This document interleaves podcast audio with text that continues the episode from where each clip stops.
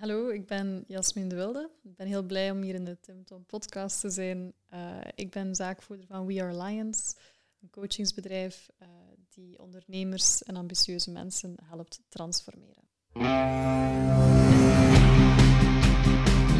Welkom bij de Tim Tom podcast. Ik ben Timothy. En ik ben Tom. Samen zijn wij jouw GPS naar geluk en succes. Dag lieve luisteraars en welkom bij route 81 alweer. We hebben er uh, ja, weer een nieuwe kaap op zitten, Tom.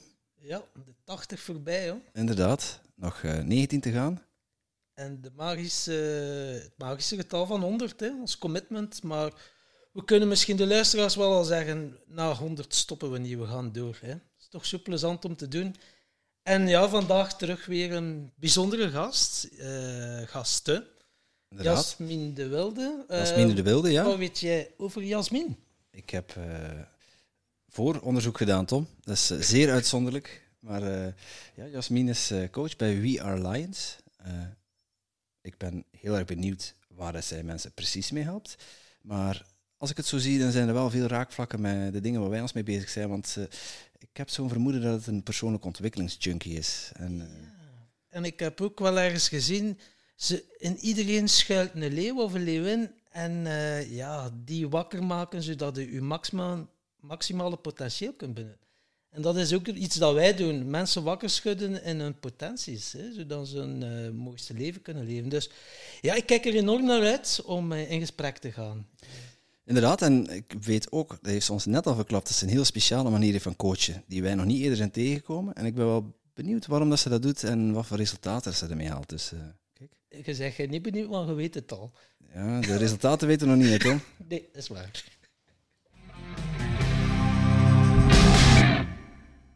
Dag Jasmin. Hallo. Welkom bij ons in de podcast.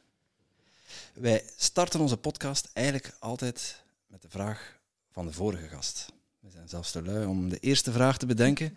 Uh, en deze vraag komt van uh, onze vorige gast, Cynthia Gijsels.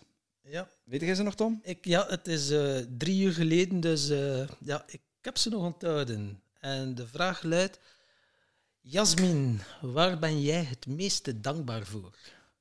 Ja, mooie vraag. Uh, waar ben ik het meeste dankbaar voor? dat ik geboren ben, zou ik zeggen.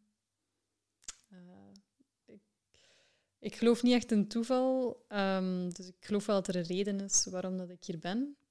Um, maar toch, de kansen van die, die eicel en die zaadcel van mijn ouders, die elkaar gevonden hebben en dat ik uh, het, uh, het, levenslicht mocht zien en daardoor alles mag ervaren elke dag. Wat dan nu een lekker glas water met komkommer hier is drinken.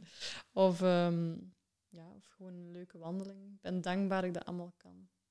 Wanneer ben je tot dat besef gekomen om zo voor alles dankbaar te zijn. Ik kan me wel inbeelden dat je toch ook momenten had van, wauw, het leven, jong.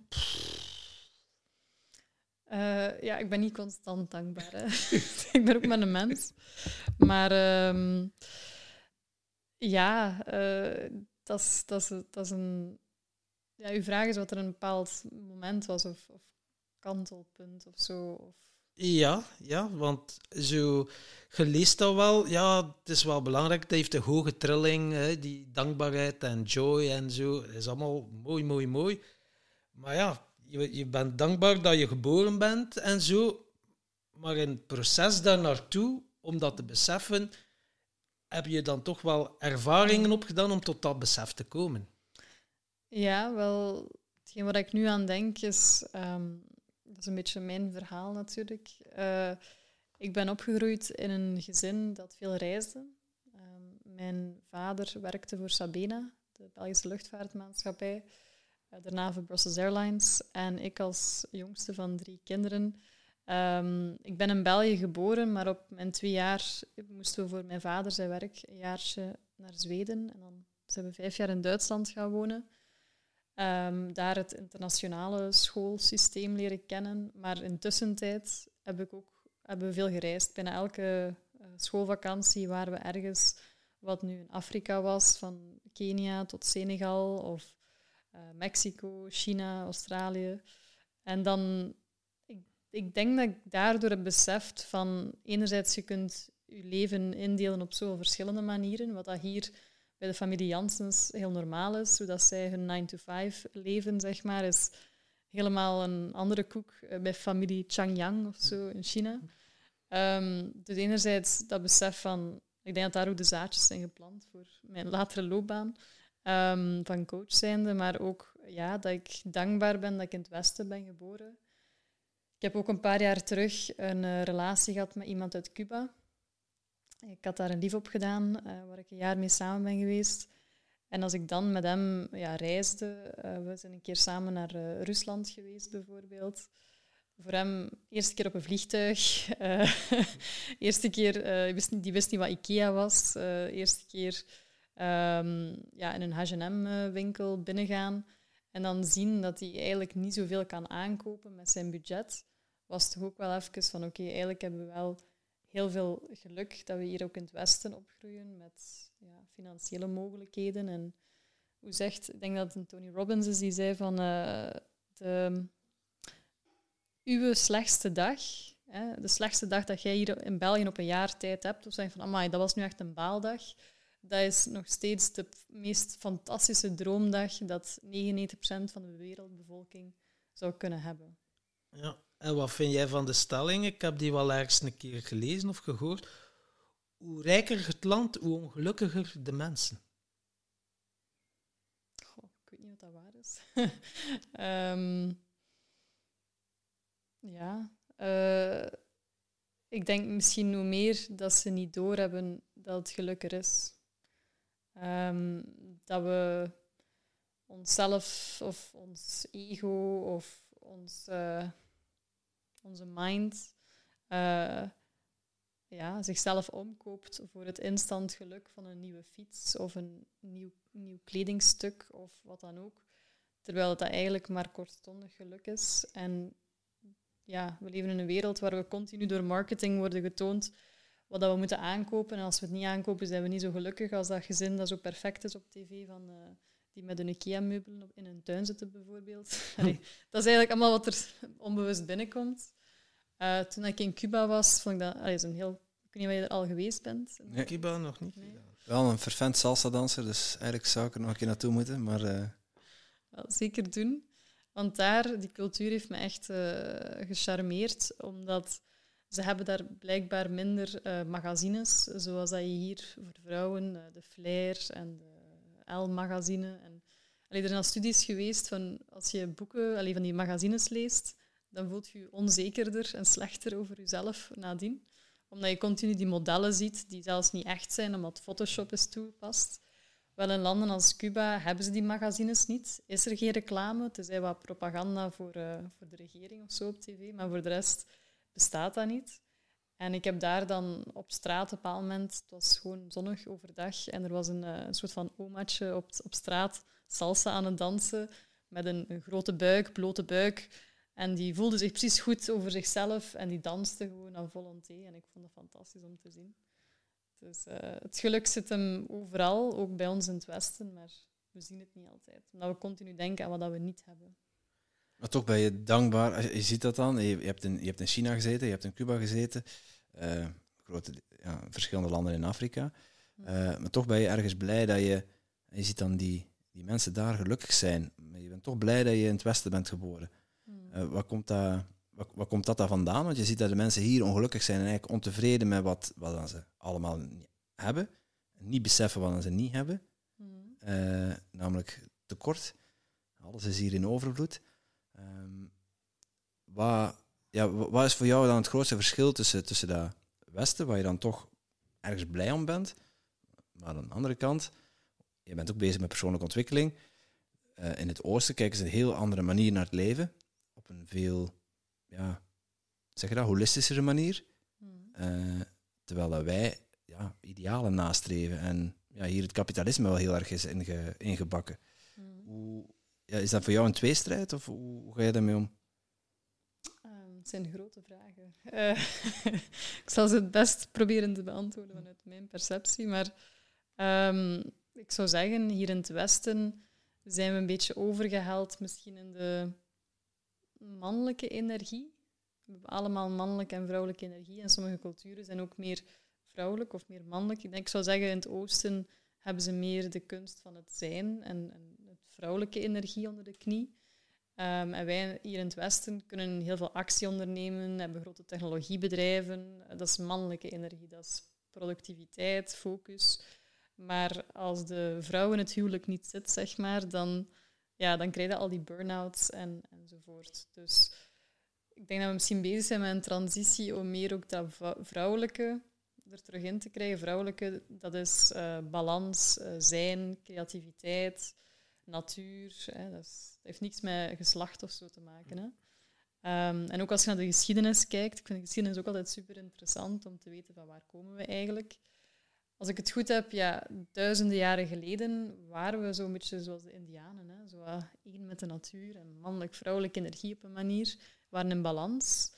En dan is de kerk gekomen en dat is, ja, die hebben een soort van uh, machtssituatie gecreëerd. Ook misschien goede zaken, maar ook vooral machtssituatie waarin je moest man en vrouw trouwen en, enzovoort. En overspel, uh, dat is de dood. En, het was allemaal heel strikt. En, en ja, ik, heb ook, ik heb ook al eens gehoord van een kerk is een fallus, omdat dat zo ja, dat de vorm heeft van het mannelijke geslachtsdeel.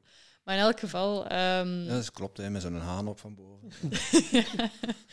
nee, het is veel mannelijke energie. En, en ja, ze hebben echt het vrouwelijke afgezworen. Hebben ze, ze hebben heksen en vrouwen die wisten over... Uh, ik heb gehoord, denk Tom, je hebt ayahuasca gedaan. Ehm, en dat is die vrouwelijke energie. Er is zoveel kennis verloren gegaan, omdat ze ja, mensen, vrouwen en mannen die iets wisten van natuur op de brandstapel gooiden. Ik heb ooit nog eens een workshop gevolgd, uh, herborist of zo, over eetbare planten. Ja, dat is allemaal kennis die verloren is gegaan of, of nu dat we moeten terugzoeken. Dus ik denk dat we gewoon misschien het oosten kunnen gebruiken om het westen te helen. Ja, maar ik denk zo de regeringsleiders die denken uh, bij zichzelf, jongens, uh, blijf maar van die ayahuasca, want dan zie je wel de echte waarheid. Want nu is het toch wel een illusie waar we inzitten, hè, voor heel veel. En ja, ze, ze laten ons dingen geloven en slikken. En ja, het is natuurlijk nog aan ons om dat aan te nemen of niet natuurlijk. Maar hoe dat er nu wordt bericht, ja, iedereen creëert zijn eigen wereld. Uh, hoe ga jij ermee om tegen die negatieve, ah of negatieve of die uh, soort berichtgeving? Kan je een voorbeeld geven? Wat soort Bijvoorbeeld wat dat nu zich voordoet met corona. Ja. Of dat over de EK-voetbal ging beginnen. Maar um, wel, ik heb het gevoel dat ik al door verschillende fases ben geweest. Ik ben nu al acht jaar, tien jaar of zo bezig met persoonlijke ontwikkeling. Al bijna vier jaar uh, bezig als coach. Um, ja, wat ik zie is, oké, mensen komen in contact met persoonlijke ontwikkeling. Ik ga ook mijn eigen verhaal zeggen. Dus je komt in contact met persoonlijke ontwikkeling. Je wereld gaat open. Hè. Bij mij was dat uh, zoveel jaren geleden, kreeg ik opeens paniekaanvallen. Ik was aan het rijden met de auto op de snelweg. Ik was een beetje moe. En uh, opeens had ik gedachten van, hola, hola, hola, wie is hier eigenlijk in controle? Uh, wie kijkt er eigenlijk door mijn ogen? Wie bestuurt er mijn lichaam? Ja, ja. zo van die existentiële vragen. Dat is niet wat je wilt op uh, 120 km per uur. Um, dus dan kreeg ik paniekaanvallen. Ben ik naar een psycholoog gegaan. Die psycholoog die luisterde wel, maar die begreep mij niet. Want ik was op zoek naar het antwoord op het leven, I guess. Van wat is deze realiteit? En, en dan ben ik via mijn broer in contact gekomen met persoonlijke ontwikkeling. Ehm, hij had al Tony Robbins enzovoort gevolgd. Uh, hij had mij het boek Rich Dad Poor Dad aangeraden. Robert Kiyosaki. Uh, Kiyosaki. Ja. Robert Kiyosaki is auteur. Um, ik had het dan gelezen en ik was dan geïnspireerd. En dan ja, had ik gedacht aan um, om misschien zo'n cursus van hun te volgen. En dan kwam ik online terecht op iemand zijn LinkedIn-pagina, die, die, dan een coach was in Gent bij Softcenter. Um, en dan zo ben ik eigenlijk in persoonlijke ontwikkeling gerold. En mijn wereld ging open, want ik voelde mij niet gek. Ik voelde mij eindelijk een beetje begrepen dat ik uh, ja, dat ik gewoon vragen had dat mijn rationele geest geen antwoord op had. Want ik was vroeger heel rationeel opgevoed. Ik was een goede student geweest. mijn vader is een rationele man, is altijd manager geweest. Dus allee, zo ben ik opgevoed. Zo is ons, worden ons systeem opgevoed om goed te kunnen een toets instuderen en heropproduceren of heropzeggen of whatever. En dus ja, dan persoonlijke ontwikkeling ontdekt, omdat ik dus niets had van spiritualiteit en intuïtie. Dat was voor mij een vreemd begrip, maar ik wou er wel iets van weten of dat toch bij mezelf kunnen ontdekken. Want als je zodanig in je hoofd zit, dan bij elke keuze dat je moet maken, weet je het niet. Hè? Dan probeer je alles af te wegen, terwijl als je je intuïtie hoort, dan weet je gewoon, het is A of het is B. In elk geval, als je zo persoonlijke ontwikkeling leert kennen, dan veel mensen gaan dan precies door een fase van het systeem is fout, het systeem is verkeerd. We moeten alles op... de regering moet weg, uh, we moeten allemaal uh, gaan co-housen of zo en um, hippies worden. Allee, ik weet niet, dat is, dat is precies dat veel mensen door zo'n fase gaan. Um, maar wat, wat, was uw vraag? Uh, van um, hoe dat ik met het systeem hoe, hoe bescherm jij jou tegen uh, negatieve berichtgeving of zo? Ja, ah, wel, sinds dat ik uh, zoveel jaren geleden alleen ben gaan wonen, uh, heb ik bewust gekozen om geen tv te hebben. Dus ik heb wel een laptop waar ik af en toe eens ja, naar media kijk, maar ja, tv... Er is ooit een, een correlatie, een onderzoek geweest van hoe meer uren tv dat je kijkt, hoe minder dat je inkomen is. Dus uh, vind ik wel interessant. Ja. Maar of hoe dommer dat wordt, dus dat heb ik ook al een keer Allee, Er zijn goede programma's ook. Ja. Hè. Um, maar dus geen tv. Uh, in mijn huis probeer ik ook alles um, als ik kaders ophang of, of, of teksten. Of stel, je, geeft mij een cadeau Um, allee, niks tegen Coca-Cola, maar stel je geeft mij een plateau van Coca-Cola, dan ga ik zeggen, dankjewel uh, Tom, uh, maar je mocht het terug hebben. Of dankjewel en ik ga dan iemand anders cadeau geven. Maar iets met een logo dat ik niet in mijn leven continu wil zien. Want als ik, het, als ik continu Coca-Cola zie, ga ik meer Coca-Cola drinken. Eén keer Coca-Cola is geen probleem, maar ik wil niet Coca-Cola beginnen drinken, want dat is hoe dat reclame werkt. Overal in het straatbeeld zie je, zie je de zie je de producten en dan ga je ze gewoon gaan aankopen. Dus daar let ik ook op. Uh, ik ben er heel strikt in. Dus ik hang wel vision boards op, hè, waar ik naartoe wil. Maar uh, ja, daar let ik op. Um, ik kies ook met wie dat ik omga. Hè. Je peer group is super belangrijk natuurlijk. Je bent het gemiddelde van de vijf mensen waarmee je het meeste tijd doorbrengt. Ja of je inkomen binnen vijf jaar gaat het gemiddelde zijn van de vijf mensen waarmee je het meeste tijd doorbrengt en hun inkomens. Dus het is allemaal geconnecteerd. Dus... Ik weet het, ik moet dringend van Tom af. ja, ja. interessant. Um, ja, allee, ik heb dat ook gezien met mezelf. Uh, ik heb de voorbije jaren allee, heb ik een, een pad afgelegd van mijn job opgezegd te hebben, een jaar heel intensief in persoonlijke ontwikkeling te duiken, de wereld er nog eens alleen rond te reizen, spaargeld op te doen, op een leefloon van het OCMW terecht te komen en dan mijn coachingpraktijk te starten. Maar ja, het is ook pas um, echt kunnen vaart krijgen als ik mij omringde met de juiste mensen. Uh, geïnvesteerd in een business coach en om een duur was mijn inkomen meer zoals haar inkomen in plaats van ja, een typisch uh, leefloner of zo. Ja, nu hebben we wel heel veel dingen gezegd. Even terug, hè.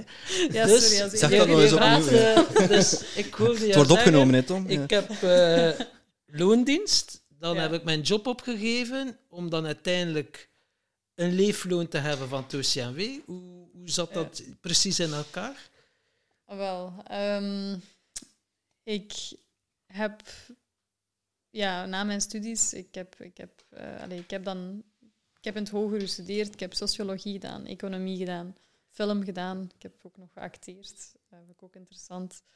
En dan wist ik niet goed wat ik met mijn leven wou gaan doen. En dan, uh, alleen daarvoor, allee, ik heb ook al veel gereisd. Dus op mijn 18 ook een jaar gastuitwisseling gedaan. Allee, dat ik een jaartje in Texas had gewoond. Um, teruggekomen, studies gedaan. En dus dan na mijn hogere studie dat ik zoiets van, oké, wat ga ik nu doen? Um, en dan was er een vacature op de luchthaven. Uh, mijn vader werkte daar en hij zei van, ja, kijk, er is een vacature voor uh, passenger services agent. Dat is eigenlijk de check-in doen aan, van Brussels Airlines op de luchthaven. En mensen die op een vliegtuig stappen aan boord laten en zo. Ik doe wel een goed woordje voor u. Solliciteer maar een keer. Welk? Solliciteer maar een keer, ik zal wel een goed woordje doen. Uh, ja, dat was zelfs niet nodig. Allee, ik bedoel, je had daar geen diploma voor nodig. Uh, je moet gewoon goede talenkennis en allee, goed voorkomen en toch wat intelligentie natuurlijk. Um, en dat was een part-time job. En ik dacht, dat is goed, dan kan ik ondertussen nog ja, uitzoeken wat ik dan echt wil doen. En uh, allee, het was part-time, maar het was wel vijf dagen per week, van Gent naar Zaventem. Dus dat was wel fulltime onderweg. Ik heb dat dan elf maanden gedaan. De dag dat ik mijn job wou op opzeggen, um, is er iets tussen gekomen, als een uh, bomaanslagen in Zaventem. Daar hebben we van gehoord. Dat was vrij heftig, ja. Ja, ja. Allee, dus ik ging normaal die een dag smiddags gaan werken. Dus ik was er zelf niet, maar het was toch wel surrealistisch om Oef, op tv uh, uw collega's te zien die zo weggedragen worden en zo. Um, ja, en, en ik Allee, en dan heb ik er wel nog blijven werken. Dat was even dan ook wel weer een, een spannende, leuke uh, omgeving. Dat je ja, gestrande passagiers een dag later moest ergens in Leuven in een groot ja, soort van uh, zaal waar dat, duizenden passagiers in transit naar Afrika enzovoort vastzaten, die dan op bussen moesten gezet worden naar Frankfurt en waar nog allemaal, om, om op een bestemming te geraken. Maar ik heb dan nog een paar maanden gewerkt. Um, en dan dacht ik van oké, nu is het genoeg geweest. Uh, als ik hier blijf, dan op zich een leuke job, maar ik ga gewoon de passie in mijn ogen verliezen voor het leven. Um, want ik was toen ook al bezig met persoonlijke ontwikkeling. Um, ja, ik was mij ook wel vaak aan het afzonderen van mijn collega's in de, in de lunchbreaks, omdat ik niet de krant wou lezen. Ik wou niet koetjes en kalfjes praten. Koetjes en ja. kalfjes of zagen over de passagiers. Of ja. dus uh, eerder met personal development uh, audio's luisteren. Veel van Stuart Wilde, niet zo bekend, maar ja, fantastische uh, mentor geweest voor mij. Um, en ja, dus, dus allee, dat dan gevolgd. En dan, um, wat kan ik nu aan het zeggen? Ja, je, was ge, je, je had eigenlijk, je hebt dan ontslag genomen op een gegeven moment? Ik heb dan ontslag genomen, ja. En, en wat ging je toen doen? Wat ik toen ging gaan doen? Uh, ik heb dan een jaar niet gewerkt, bewust. Um, ik heb een paar weken na mijn ontslag mijn rugzak genomen, naar de luchthaven teruggegaan, uh, met een onbekende om, uh, bestemming. Gewoon ter plaatse bestemming gekozen. Dat leek mij leuk om te doen. Ik wist ook niet hoe lang dat ik ging wegblijven. Ik had mijn ouders twee dagen op voorhand ingelicht dat ik dat ging doen. Uh, uiteindelijk ben ik dan in Malaga terechtgekomen. Chance dat je niet op IJsland komt, met bikini en een, kort, een korte broek. nee, nee. Ja. Wel, ik dacht van, hm, wat zit er hier leuk op dat bord? Uh, One-way ticket. En dan Malaga. Malaga. En pas in het vliegtuig gekeken op het boekje van waar ligt Malaga? Ah ja, oké, okay, Spanje. Oké, okay, zuiden van Spanje. Oké, okay, top. Um, en dan ben ik uiteindelijk twee weken weg geweest, um, even een auto gehuurd. Ik dacht van, weet je, ik rij gewoon de natuur in. En uh, ik ga op zoek naar mezelf, een beetje zoals Into the Wild, daar, uh, maar dan niet Alaska. um, en, uh, maar ja, eigenlijk was dat een heel ontnuchterende ervaring. Want zo werkt het niet. Hè. Ik ga eens even naar de natuur en, en de antwoord op wie dat ik ben. bronnen en kom terug en, en yes. kom terug. ja, en ik weet het. Allee, ik ben nu 30, toen was ik ja, wat is het, 25 of zo. Dus allee, zo snel komt het allemaal niet. Um, dus ja, en, en allee, we hadden het er juist over alcohol, maar um, voor mij, allee, ik, had, ik had die angsten en ik had zo wat die onzekerheid van wie ben ik, wat wil ik, enzovoort. Wat is deze realiteit?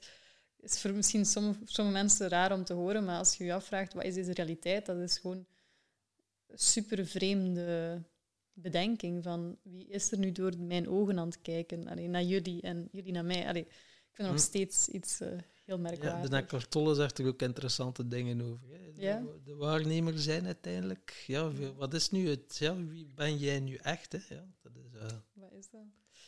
Dus ja, en ik heb toen op die reis um, veel gewoon geslapen. Dat was mijn kopingsmechanisme.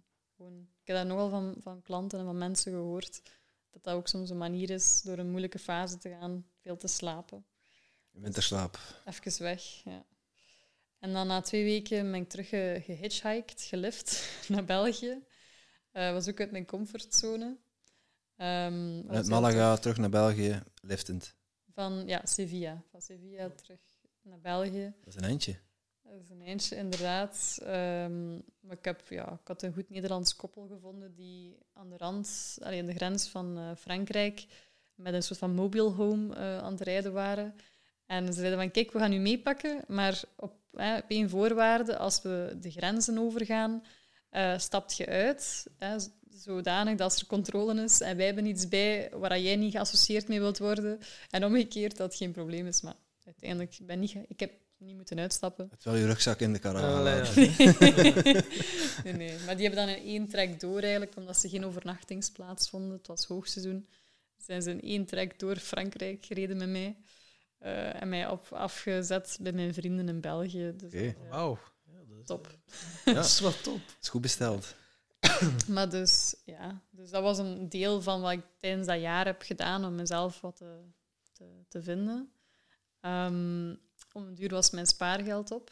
Um, en dan was het van, ja, wat nu? En dan zeiden ik ga gaan aankloppen bij TCW voor een leefloon. Zullen veel luisteren. Ja, ze zei het zijn wel gemakkelijk. Eerst de jaar op prijs, het geld is op en dan gaan we een keer bij TCW zien. Of is het iets anders uh, verlopen? Ja, ja. En allee, ik had ook veel geld gestoken in persoonlijke ontwikkeling. Um, ja, en, en dat weet, allee, als dat mensen kan helpen, uh, dat weten veel mensen ook niet. Maar ik had nog wel wat spaargeld staan. Uh, was het een 8000 euro of zo toen ik bij het OCMW aanklopte. En dat was eigenlijk geen probleem. Uh, het is niet dat je compleet bankroet moet zijn of onder nul moet staan voor alleen dat OCMW je situatie wilt helpen. Want het ding was, ik had te lang in of te kort in loondienst gewerkt voor een uitkering.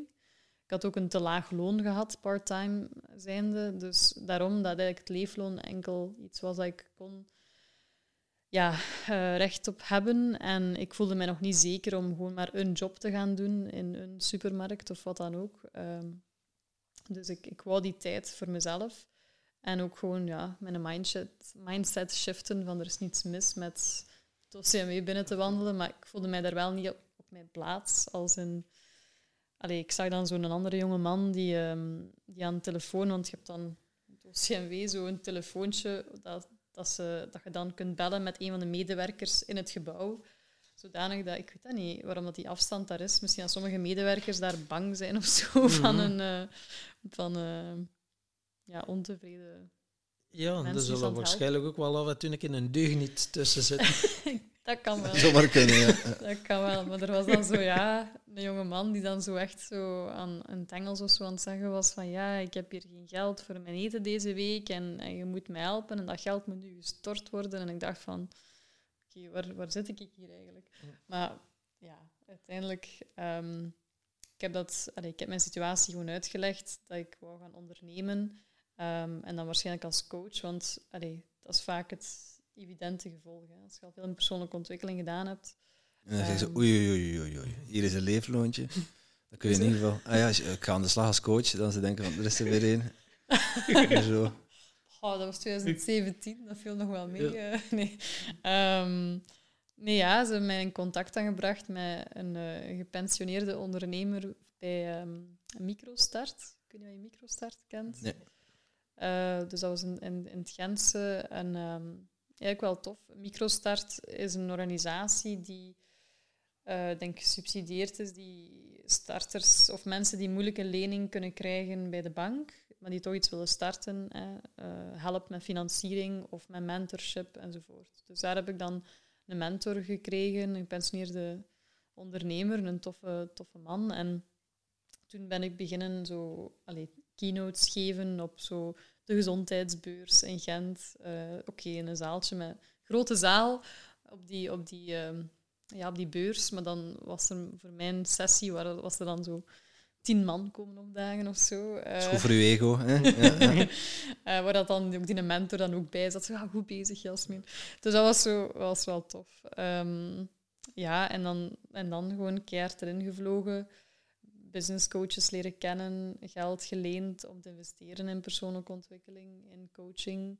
Um, geld geleend zelfs om toch maar aan uw portie persoonlijke ontwikkeling te, te kunnen doen, voldoen. Ik denk, en ik wil niet stoeven, maar ik kan het gewoon iedereen aanraden. Allee, iedereen die bepaalde ambities heeft aanraden. Um, ik heb nu al bijna 200.000 euro of zo in persoonlijke ontwikkeling gestoken, met alle seminars, trainingen, coaching. eh, Aanzienlijke investeringen. ja, maar ik heb er ook wel allee, goed uitgehaald. Ehm alleen je moet er wel zelf voor werken natuurlijk. Maar Ja, ja, het gaat niet zomaar op een dienbladje worden gebracht. En één ding, die persoonlijke ontwikkeling is maar je moet natuurlijk wel iets mee doen. Want alleen, we zijn dat bijna elke podcast al, alleen toegepaste kennis is van waarde uiteindelijk. Waar je kunt je wat blijven opleidingen volgen. Ah, dat is een interessante. Ah, dat is ook interessant. En blijven consumeren, maar er komt ook wel een moment ja, dat je gaat moeten produceren. Hoe is dat bij jou gegaan? Want bij veel mensen hoorde, ah ja, als ik die opleiding al volg, dan weet ik het, dan kan ik pas. Ah ja, ah nee, misschien nog die opleiding erbij. Een Ah ja, nog een boek, dan ga ik het weten. En ze blijven dat constant repetitief eh, herhalen. Het, ah ja, repetitief herhalen, inderdaad. Ja. Dat is ook... eh, een van Ja. de eigenschappen van herhalen. hè. Ja, wel, ik denk dat ze dan wel diep in zichzelf wel weten dat ze zichzelf aan bullshitten zijn, omdat ze gewoon, dat is het, ons reptiele brein, ons oerbrein, dat ons in onze comfortzone wilt houden, die denkt van, we hebben meer informatie nodig om in de actie over te kunnen gaan. En bij mij was dat, ja, ik was gewoon diep gevallen, zeg maar. Allee, ik was nog niet onder een brug of zo aan het wonen, maar ik was... Ik had dan, ja, omdat mijn spaargeld wel dan grotendeels op was, ehm, heb ik dan... Ik had een goedkoop, goed appartement dat ik huurde in Gent, maar ik heb het dan allee, op moeten zeggen om dan te gaan co-housen. Maar ik had dat mezelf wijsgemaakt ook van, maar ja, co-housing is ook gezellig, hè, Jasmin? Weet je, dat is tof. Maar dat was dan toch niet zo tof, in mijn geval. Eh, ik, heb, ik heb dat drie, vier maanden gedaan en eh, dat werkte gewoon niet tussen mij en die mensen. Ik had dan ook katten geadopteerd. Dat is een, dat is Eh, een hippe naam voor eh, terug op kot gaan, hè, maar dan op latere leeftijd. En ik kan me voorstellen dat dat wat tegenvalt. Je hebt toch andere mensen om rekening mee te houden. Je kunt niet doen en laten wat je wil. Je hebt een huisdier eh, genomen. Ik kan me voorstellen dat dat niet bij iedereen een goede aarde viel. Nee, ja, ja, ik dacht dat die oké waren met mijn twee katten die ik dan juist had, maar die plasten dan in een, in een bed als ze een deur hadden laten openstaan en zo. Waren Ja, en wiens schuld is het dan? Hè? ik had ook zoiets van, ja, oude deur dan gesloten, maar zeker als je... Dat waren allemaal zussen en, en ik was dan zo wel als nieuweling die er binnenkwam. Dus eigenlijk wilden ze, allee, met alle respect, wilden ze waarschijnlijk gewoon dat ik braaf in mijn kamer zat en niet zozeer zaken veranderden van nu moet je deuren toehouden of, of wat dan ook, voor die katten. Eh, maar in elk geval, ik had dan wel zo wat... Mijn diepste punt was ehm, dat ik ja, financieel aan de grond zat elke dag, eh, allee, ik deed niet veel met mijn dag. Ik wou wel coach worden, maar ik wist niet goed hoe. Ik had een Facebookpagina, maar er gebeurde niet veel. Ehm, en dan 's morgens vroeg hadden mijn katten de planten van mijn huisgenoot vermassacreerd. En dan moest ik dat doen alsof er niks aan de, allee, gebeurd was. eh, terug eh, dat, dat zand terug in die potten en zo. En ik dacht van, what the fuck, Jasmin, zit je aan het doen met je leven? Dit is toch niet hoe dat je wilt impact maken? En toen had ik een gesprek met mijn broer, eh, die op dat moment ook soort van business coach was. En hij zei tegen mij, kijk Jasmin, ik, ik kan u helpen. Hè. Ik kan u coachen om uw business echt eh, van de grond te brengen. Maar dan gaat mij wel moeten betalen als een normale klant. Want, en dat wist ik ook toen, van waar dat je voor betaalt, ga je anders appreciëren, zeg maar. Dan ga je anders bekijken. En dat was toen 3000 euro voor, denk ik, een half jaar coaching. En ik, ik zei tegen hem van, ja, kijk, tof, Matthias, maar eh, ik heb dat geld niet. Dat is dan uw eigen broer. Hè? Ja, maar allee, ik snapte het wel. Het, gaat om het idee. Hè? Ja. If, you, Ja. if you pay peanuts, you get monkeys. Voilà, voilà. En ik zei tegen hem, kijk, allee, dat was dan mijn reptiele brein die dacht van, kijk, we zijn er vanaf van eh, dat we uit onze comfortzone moeten gaan. Want ik zei tegen hem, van, ja, ik zou het wel willen, maar het gaat niet. Hè. Ehm, en dan zei hij iets dat mijn reptiele brein niet wou horen, maar mijn ziel wel. En hij zei van, kijk, oké, en hoe zou je dat geld kunnen creëren? Ik zeg, oh ja, goh, goh, dat weet ik niet. eh. en hij zei, ja, zou je misschien iemand kunnen bellen? Ik zeg, ah ja, ja, goh, kan mijn broer bellen. Wel, ik hoop dat hij oké vindt dat ik dit verhaal vertel, maar ik denk het wel. Ehm, Hij nee, heeft, ja. groot, hij heeft groot gelijk. Ja. Veel mensen zouden dan zeggen van... Ja, is goed zus, eh, ik zal u wel gratis helpen. Hmm. Maar dan, dan, dan haal je niet dezelfde, dezelfde resultaat uit. Hmm. Dus je moet nu... Je, je werd eigenlijk door je broer gedwongen om dan maar een oplossing te bedenken om aan dat geld te komen. Dat is ook wel een Inderdaad. stukje beroep doen op je creatief, eh, creatief vermogen. Hmm. En nu flexibiliteit. En nu moet het verhaal nog horen. En nu moet het verhaal nog horen. Spanning, cliffhanger. nee, nee. Uh, ja, wel inderdaad. Um, en dus hij zei van, hoe zou je het kunnen creëren? Ik zei, ja, ja, misschien een paar mensen bellen. En dan zei ik, ja, misschien een paar nonkels bellen of zo. En dan heb ik een paar nonkels gebeld. Um, maar ja, ik had dan hè, mijn verhaal in mijn hoofd dat van oei, oei, stel je voor dat ze dat verkeerd opnemen, dat ik aan het smeken ben voor geld. En hoe gaan ze me op het familiefeest uh, volgende keer bekijken en, enzovoort, bla bla bla. Uh, uiteindelijk hebben we er twee ja gezegd uh, om samen aan die 3000 euro te komen. Ik heb niet gezegd dat het voor mijn broer was, omdat ze misschien zelf een verhaal zouden hebben over... Allee, je broer, die moet je toch niet betalen? Um, en voilà, en ik had dus een lening um, bij mijn onkels. En, uh, dus ik had eigenlijk op een kwartier tijd het geld gecreëerd. En dat is eigenlijk ondernemerschap. Dat is gewoon iets creëren dat er voor nog niet was. Dus, en dat is ook iets waar ik nu mijn cliënten mee help. De meeste waar ik mee werk, die kunnen mijn factuur gewoon direct betalen. En sommigen moeten naar de bank gaan voor een lening of bij familie of vrienden. Um, of nog een andere creatieve manier. En achteraf zeggen ze tegen mij vaak van ja, Jasmin, dat eerste gesprek, ten eerste zeggen van yes, ik investeer in mezelf. Um, het voelt wel ongemakkelijk aan om, om een paar duizend euro in mezelf te steken. Maar die beslissing was super powerful. En ook dat geld er te gaan leggen of te gaan creëren, zeg maar. Dus ja, ja, uiteindelijk ben ik heel blij dat dat... Dat was dan voor mij zo de eerste stap van there's no way back. Ik moet gewoon gaan creëren. En dat was het eerste kleine stapje. En dan het volgende stapje. Dus ja, je weet van oké, ik wil mensen helpen, ik wil mensen coachen. Daarvoor heb je nog geen cliënten natuurlijk. Dan uh, kwam je broer op de prop en die heeft u begeleid en gezegd, kijk Jasmin, zo en zo en zo doet het. Of is het toch iets anders gelukt? Ik heb het zelf moeten uitzoeken. Ik ben gewoon keihard gevlogen in het netwerken. Um, ik noem mezelf soms nog wel zo de network queen van regio Gent. Uh, ik heb gewoon allee, um, uh, aangesloten bij startersorganisaties. In Gent had je vroeger de startersfabriek.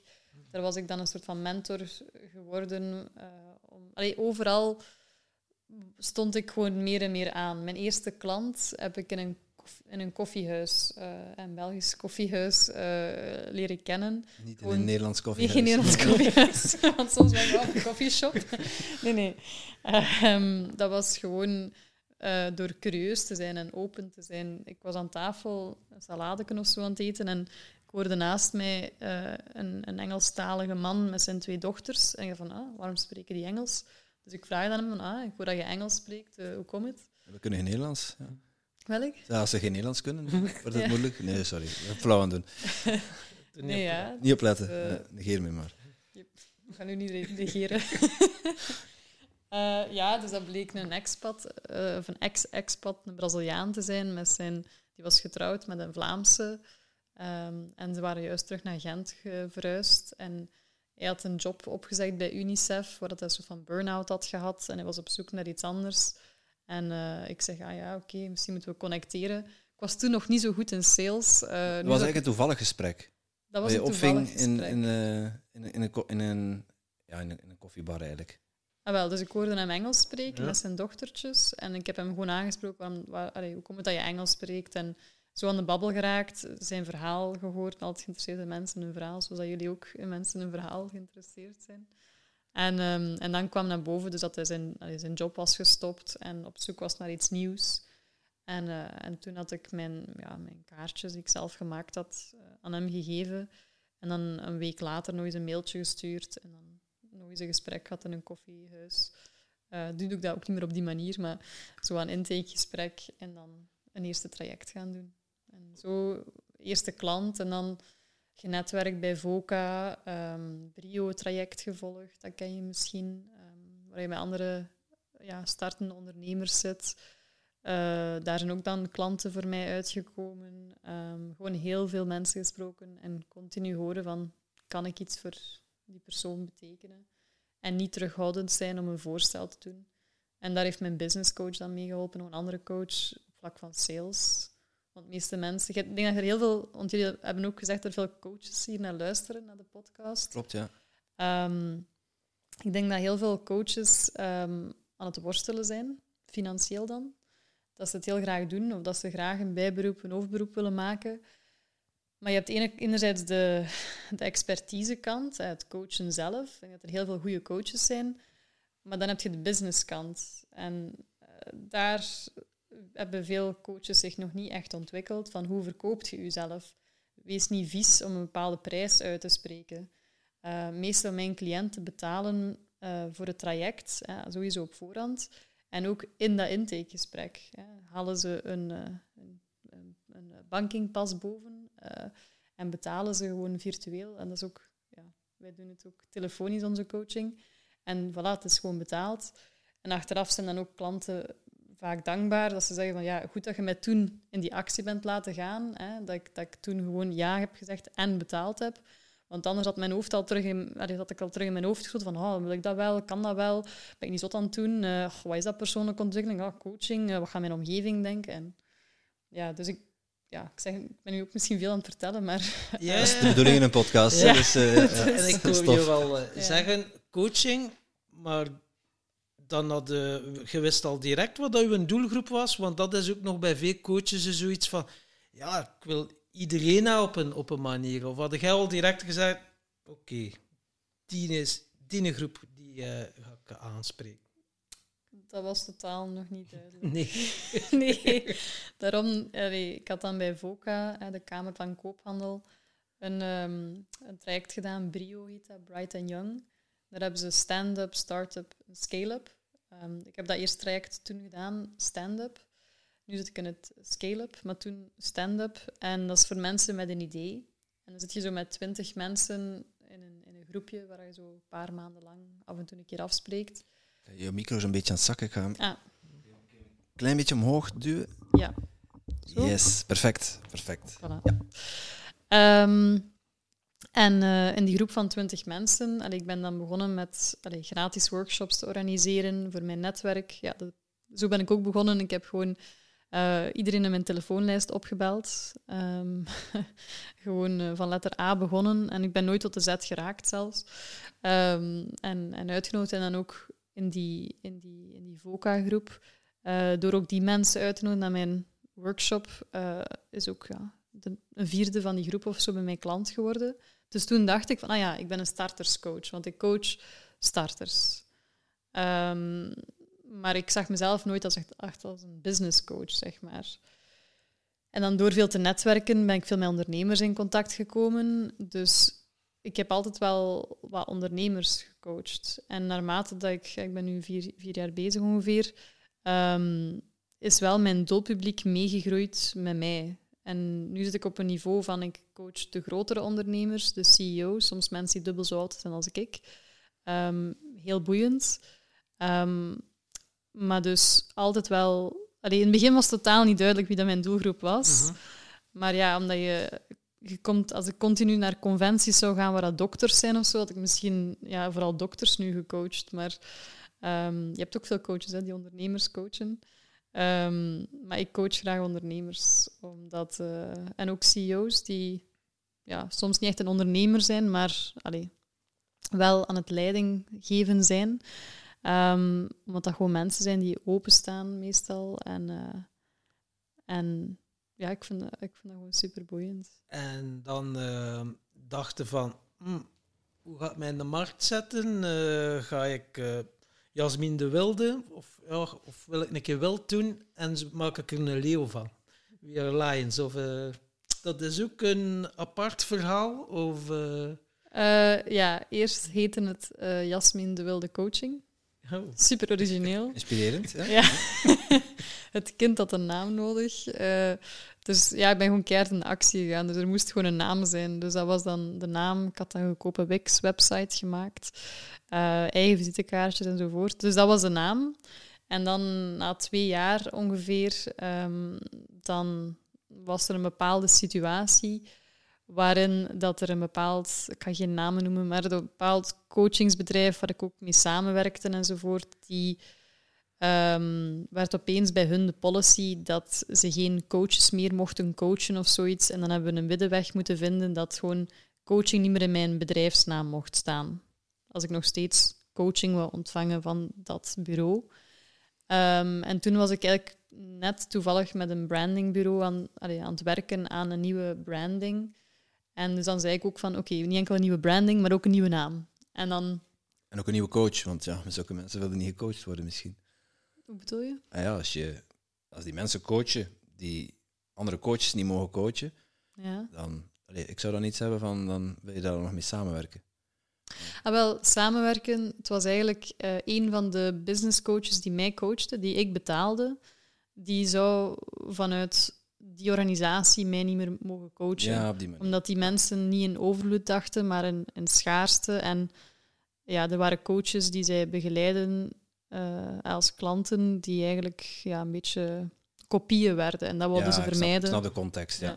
En dan was het tijd voor een rebranding. Het was tijd voor rebranding. En, ehm, en toen heb ik met een brandingbureau samengewerkt, eh, toch een mooi bedrag betaald. En, eh, en toen hebben ze alles uit mij gevraagd, mijn verhaal gevraagd, eh, wat mij inspireert. Heb ik eh, moodboards gemaakt. Zijn we echt tot de diepste gegaan van eh, wie dat ik ben.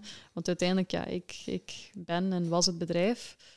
Ehm, en toen zijn ze met We Are Lions gekomen omdat ook, ehm, ik hou van lions.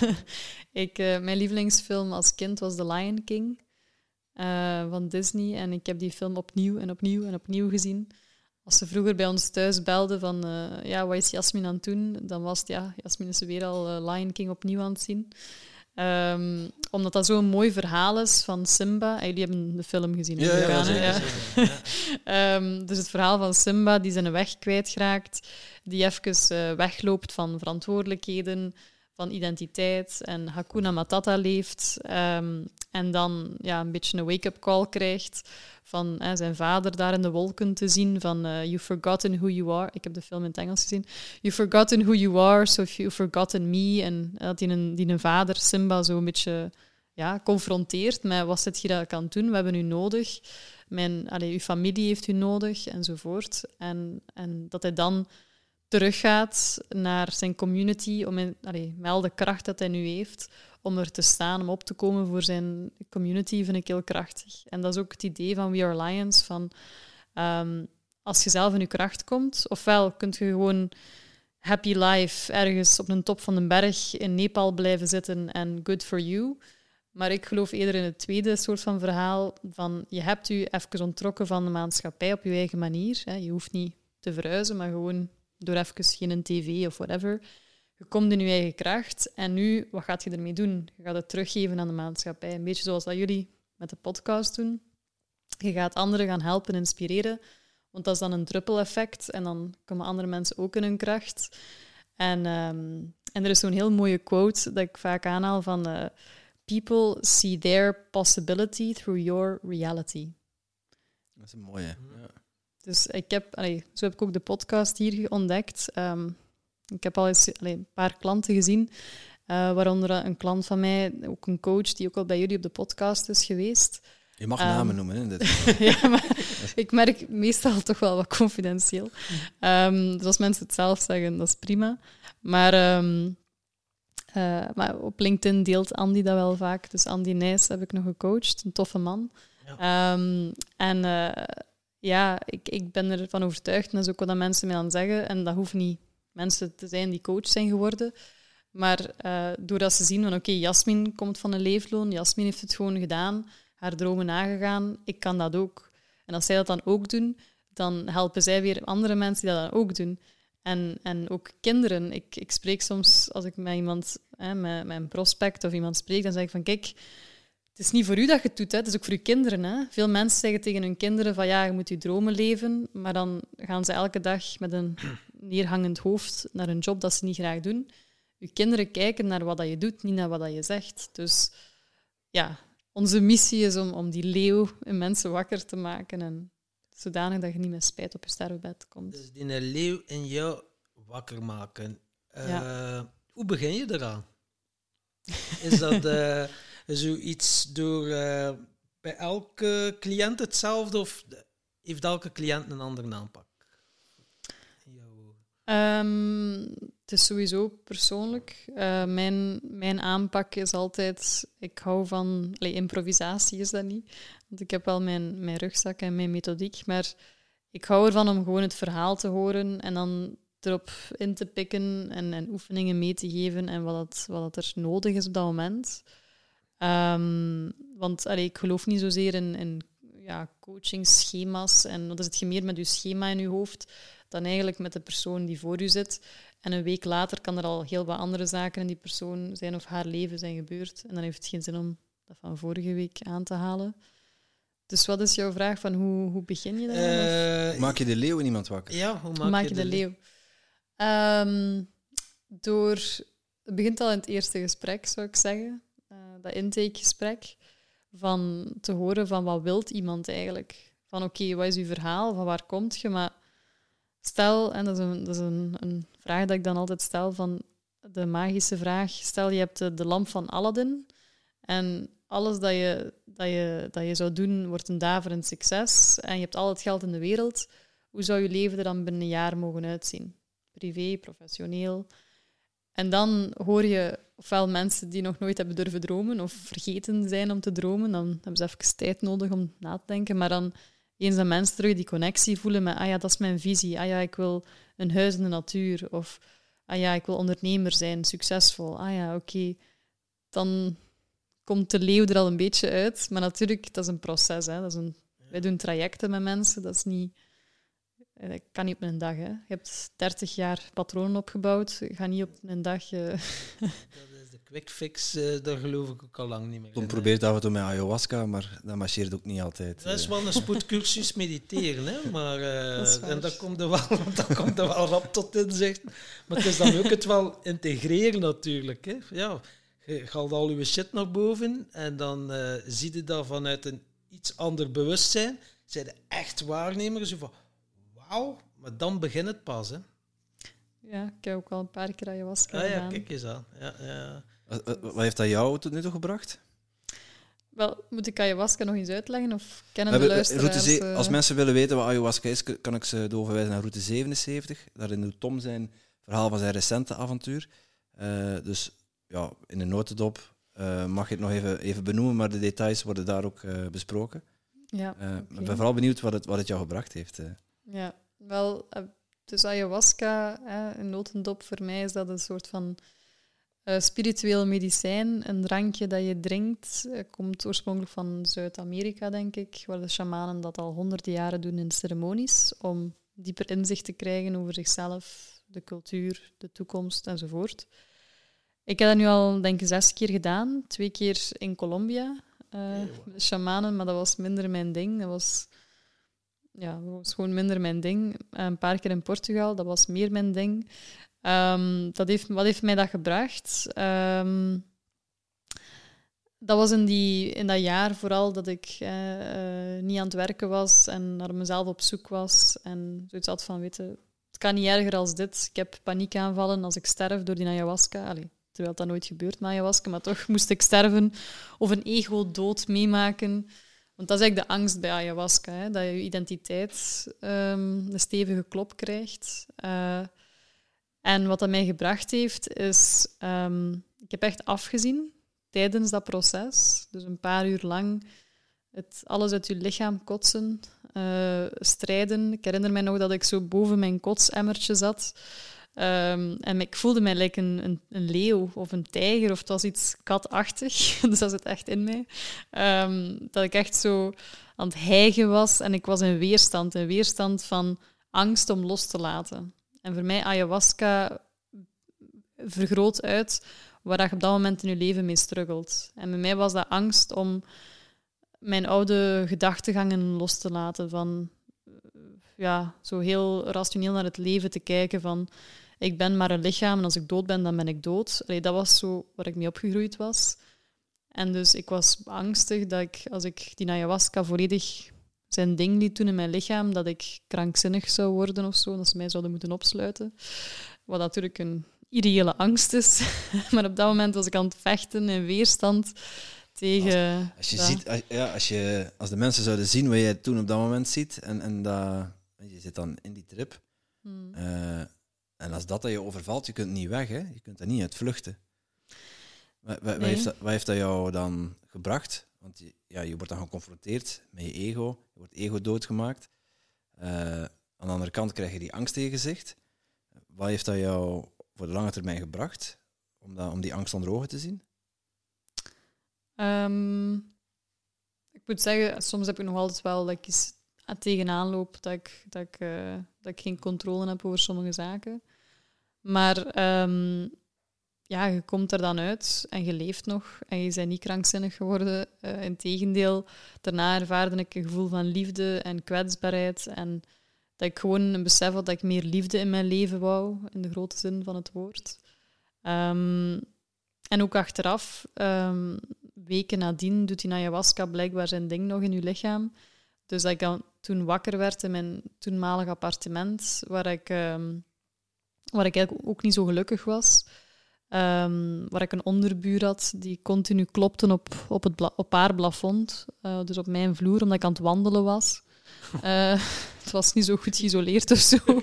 Dus dat was echt een stresssituatie. En toen werd ik dan opeens s'nachts wakker, zo een week of twee na die ayahuasca-ervaring. Ik was van, what the fuck, Jasmin? En ik moest echt zo bijna overgeven door mijn woonsituatie. Dat ik echt zo van, echt, echt, wat, ben, wat ben ik aan het doen met mijn leven? Allee, het was echt zo een soort van dieper bewustzijn, dieper weten. En ik ben dan nog een paar keer die ayahuasca gaan doen. En toen waren er ook heel, heel fijne ervaringen bij. Echt een, zonder weerstand. Dat ik gewoon kapot gelachen heb. Dat ik een soort van aapje was of zo in mijn verbeelding. En dat ik gewoon strijk lag van het lachen. Uh, strijk lag van het lachen, ja, met mezelf. Met de illusie van het leven. Dat ik gewoon... ja, het was fantastisch. En, um, en ook dan waren er kleine inzichten van... Uh, bijvoorbeeld, je ligt daar dan op je, op je matje met, een, met een oogma oog, oogmasker of whatever. En ik was dan echt zo aan het gieren, aan het lachen en aan het bewegen en ja, aan het rondrollen op mijn, mat, op mijn matras. Op een bepaald moment, een van die begeleiders, want dat was zo'n setting met allee, 30 deelnemers, 10 uh, begeleiders uit Nederland allemaal. En op een bepaald moment hoor ik zo iemand in mijn oor fluisteren, zo in Nederlands, van ja, Jasmin, je bent een beetje van je matje gegaan. We gaan je zachtjes begeleiden, want anders ga je tegen de anderen aankomen. En ik zei, ah ja, oké. En dat was voor mij een inzicht, omdat ik... Ik durfde vaak mijn eigen licht niet te laten schijnen in het leven. Dat ik dacht van, oei, als ik gelukkig ben, gaan anderen misschien zich slecht voelen omdat ik gelukkig ben of zo. Of, um, dus dan merkte ik van, oké, het is voor mij een, een soort van boodschap van het universum van, kijk, doe maar uw ding en als het nodig is, zullen we u liefdevol corrigeren. Dus hou u niet in. Leef. Ja. dus zo van die zaken heb ik dan zo uit die ayahuasca gehaald. En ik heb ook eens gehoord um, van iemand die zei van eigenlijk zou elke coach of healer of therapeut een keer ayahuasca moeten meemaken. Voor de ervaring. Voor de ervaring en ook gewoon hoe dat je naar het leven kijkt. Maar disclaimer, uh, doe het enkel als het, allee, als het voor u goed voelt natuurlijk. En in de juiste setting ook, met de juiste, de juiste mensen. Want, uh, met een organisatie erin ja. opgeleid is enzovoort. Niet in een, ik heb ook al verhalen gehoord van mensen die in een bos met onervaren shamanen en zo. Allee, dat niet. Ja, ja.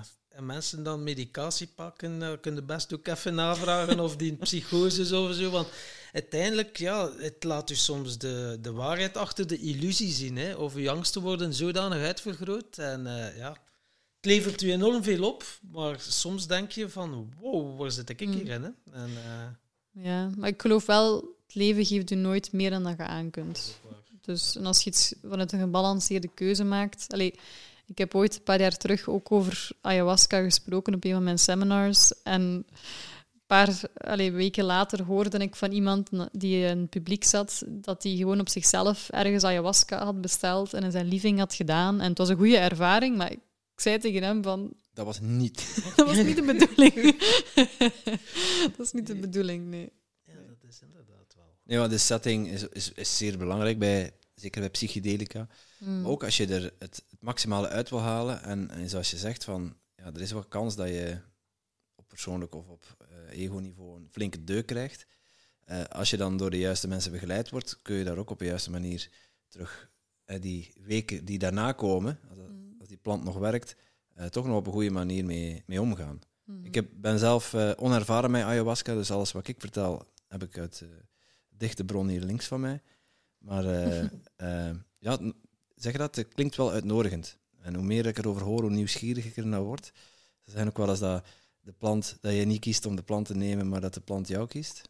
Hmm. Eh, dus ja, wie weet, binnenkort een keer eh, met z'n drieën de ervaringen uitwisselen. Ehm, ja. als, je, eh, als we even teruggaan naar, naar jouw coaching, want je tipte het net al, al heel even aan. Ehm, want wat mij opviel toen je daarover bezig was, is dat je vertelt van, ja, maar ik help mijn, mijn coaches telefonisch. Dus jij doet een telefoontje als coachinggesprek. Kun je, kun, kun je daar wat meer over vertellen? Waarom, waarom telefonisch? Is dat omdat je niet live wil afspreken met mensen? ja. Ik heb het jullie natuurlijk al voor de opname er juist verteld, maar ik ga het eh, Voor onze luisteraars. Voor de ja, ja. luisteraars, yes. Ehm, wel, ik ben ooit begonnen met face-to-face coaching. Dus dat klanten bij mij langskwamen. Ehm en de coaching dat ik zelf van mijn businesscoach volgde, was al, al lang telefonisch. En dus kwam dat idee meer en meer van waarom doe ik dat ook niet. Maar ik had dan natuurlijk een beetje het verhaal van oei, gaat dat wel even impactvol zijn enzovoort. En toen ik dan toch die overgang maakte, toen merkte ik dat het eigenlijk beter werkte, krachtiger werkte. Waarom? Omdat ehm, onder andere wij hebben zoiets als een, een reptiele brein, ons oerbrein dat ons probeert ja, in onze comfortzone te houden, in het oude vertrouwde, in het veilige. Van duizenden jaren geleden ehm wouden we ook eh, graag in de community passen, wouden we niet anders zijn, en, en, want dan zouden we misschien verstoten worden uit de community en alleen de leeuw moeten vechten in Afrika of zo. Ehm, dus we hebben dat oerbrein. En als je in een gesprek zit met iemand en je ziet elkaar ook visueel, zoals dat wij met z'n drieën nu in een kamer zitten, ehm, is er altijd een deel van je hersenen, dat is dat reptiele brein dus, dat er goed wil uitzien. Van, zitten mijn kleren wel juist? En, en het visuele, maar ook, ehm, ja, zeg ik wel sociaal aanvaardbare zaken. Dus als ik tegenover een cliënt zit en die cliënt zegt tegen mij van, ah Jasmin, eh, ja, ik heb een idee, ik wil al alles verkopen, bitcoins aankopen, naar Colombia verhuizen en voilà. Oké, ik als zijn of haar coach zijnde zal zeggen, ah, fantastisch, eh, Johan, ja, moet je doen. Ehm, maar het kan zijn dat mijn, mijn, mijn lichaam een initiële reactie geeft. Ja, want jij denkt aan die enge ervaring in Colombia en je vertrekt je gezicht een beetje. Zo van, eh, Zel- zel- zelfs misschien niet dat, maar gewoon of ik verzet mij of, of whatever. En onbewust. En mijn cliënt heeft ook een onderbewustzijn waar dat, dat binnenkomt. Dat hij denkt misschien van oei, misschien was dat te out of the comfortzone of te out of the box. Want ja, Jasmin krijgt precies een beetje kritisch of whatever, maar dat, dat gebeurt onbewust. Hè? En waardoor dat dan de cliënt zou kunnen zichzelf limiteren in wat hij vertelt in een coachinggesprek. En natuurlijk in de coachingcontext willen we dat allemaal vermijden of zoveel mogelijk. Dus door dat visuele niet te hebben, schakel je dat eigenlijk uit, waardoor mensen vaak vrijer voelen om gewoon alles op tafel te gooien. Ik heb eh, al cliënten gehad die ehm, privé in situaties zitten waar dat ze getrouwd zijn, maar ook ja, een minnaar of minnares hebben, zeg maar, of een andere partner ernaast. Dat zijn precaire situaties en daar schamen mensen zich soms ook voor, of, of toch, het zijn gevoelige topics. Ik voel een vrijheid doordat, dat, doordat ze niet bekeken worden, zeg maar. Ehm, dus dat is, dat, is, dat, is, dat is een belangrijk punt. En ook, je kunt gewoon veel sneller, veel dieper gaan. Als iemand vroeger bij mij thuis kwam, dan was dat allez, een glasje water, nog een keer naar het toilet. Allee, dat kost allemaal tijd. Eh, niet dat ik daar iets op tegen heb. Maar voor beide partijen, allee, een coachinggesprek wil ik zo waardevol mogelijk maken. En dat begint op minuut één en dat is bij ons een uur. En dan een minuut later belt al de volgende cliënt in. En mijn cliënten moeten ook allemaal zelf inbellen, stipt op de minuut. Allee, ik zeg tegen hun, ze moeten niet met de kerktoren allee, op de seconde zijn, maar binnen de minuut. En als ze een minuut te laat zijn, dan zeg ik, ah, eh, Tom, hoe komt het? Is het een patroon? Waar doe je dat nog in je afspraken, dat je drie minuten te Dat laat staat bent? het al aan de verkeerde. Stelt aan de verkeerde die vraag. ja. Ik heb zo'n boekje bij, daar staan eh duizend en één uitvlucht, eh, excuses in om, om te laten komen. Ja, ja. Ah ja.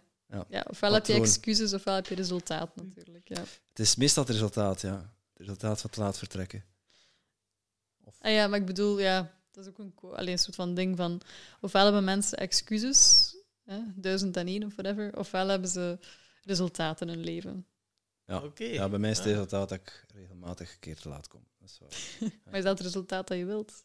Eh, soms wel, ja. Dat zijn dan keuzes die, vooraf, die eraan vooraf gaan. Hè. Dat, Mm. Bepaalde dingen nemen bepaalde tijd in beslag. En, ja, soms kun je geen twee dingen tegelijk doen. Dan ga je, ga je toch dat proberen, maar dat gaat niet. En dan kom je te laat. Dat is dan mijn ervaring. Ja. Maar goed, Proberen gaat sowieso niet. Hè. Dat is een woord dat ik echt allergisch aan ben. Hè. Ja, dat is ook waar. Proberen. ik ga proberen op tijd komen. Dat weet al. Vergeet het. Vanaf Dat dat, het woordje proberen erbij zet. Dat is voor mij beter als ik zal, ik zal er zijn. Als ik als tegen Tom zeg, ik, ik probeer er te zijn, dan ben ik meestal weet ik te al. eh, ja. Oké. Maar goed, jou, Ja. jou, zeg je, dat, je, je accepteert dat ook niet zomaar van je, van je coaches, hoor ik. Nee, nee. Ehm, dus, eh, en dat is ook weer, allee, dat is ook iets dat ze dan meekrijgen in de coaching, dat ze leren die stiptijd. Dat ze weten, niet dat Jasmin gaat kwaad zijn eh, als ze te laat zijn, maar gewoon, ze snijden in hun eigen vel. Ehm, want dan hebben ze, snijden ze hun eigen tijd dat ze hebben in de coaching. Ehm, en ook, je leven werkt naarmate hetgeen wat je zegt en hetgeen wat je doet overeenkomen. Dus, ehm, dus voilà. En, en dus dat werkt gewoon bijzonder goed. Dus, eh, dus geen Zoom, geen Teams. eh, dat, hapert toch altijd. Allee, eh, gewoon via, via audio. Ehm, en dat cre- creëert ook de vrijheid natuurlijk als ik op reis ben en, en ik doe mijn coachings nog ondertussen. Of mijn cliënten zijn op reis, of ik zit op een seminar en ik zit op, op een hotelkamer, dan, dan kan ik de coaching gewoon laten doorgaan. Ehm, ja, dat En je is- kan ook wel dingen noteren terwijl. Of doe je dat niet? Noteren? Eh, noteren normaal gezien niet. Eh, wel in een eerste gesprek, in een intakegesprek. Ehm dan ga ik een uur en de diepte in en dan, en dan noteer ik wel. Want daar merk ik opnieuw, als, als soms sommige ehm, klanten of, of toekomstige cliënten, die hebben zoiets van, ja, ik wil toch graag een keer u fysiek zien. Sommige mensen hebben mij nog nooit fysiek gezien en dat is helemaal prima. En dat vinden ze soms zelfs beter dat ze mij nog niet hebben gezien. Dat ik een beetje uit hun bubbel blijf of zo. Ehm, maar sommige mensen komen dan toch een keer graag lang, langs voor dat eerste gesprek. Ehm, en dan voel ik zelf die restrictie dat ik niet zoals een soort van psycholoog met zo'n boekje zo aan vertel een keer en dat ik dan zit op te, op te schrijven. Dus ook ik vind dat ik beter coach kan zijn als dat visuele er niet is. Omdat ik dan inderdaad in dat eerste gesprek kan opschrijven. En in de gewone coachings schrijf ik enkel het huiswerk dat ik, dat ik ze meegeef, dat ik het nog weet tegen de week nadien. Ehm, maar eh, zij schrijven wel zaken op natuurlijk in hun, notitieboekjes, maar ik eigenlijk niet, want als je aan het opschrijven bent, dan ben je ook vaak niet meer aan het ja, luisteren. ja, en- dat is. Je hoort heel veel dingen.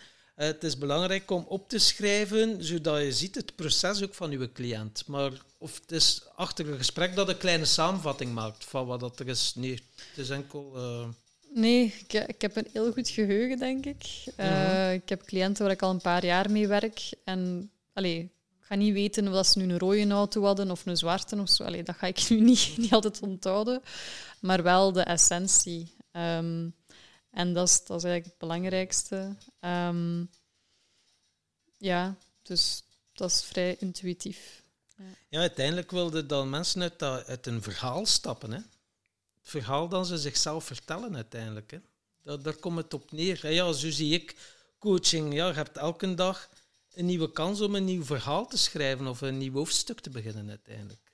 Het heeft lang geduurd dat ik dat beseft, ja, beseft heb. Mhm. Dat is waar. En uw leven kan verschillende hoofdstukken hebben. Hè. Ik, eh, ik hoorde Esther Perel, die ken je waarschijnlijk wel. Esther Perel, zo'n relatietherapeute, Vlaamse ook, die denk in oktober naar België komt. In uh, Stad Schouwburg, Antwerpen. Ik geef Je het gaat eruit, Tom. Uitnodigen voor de podcast. Ja, Ja.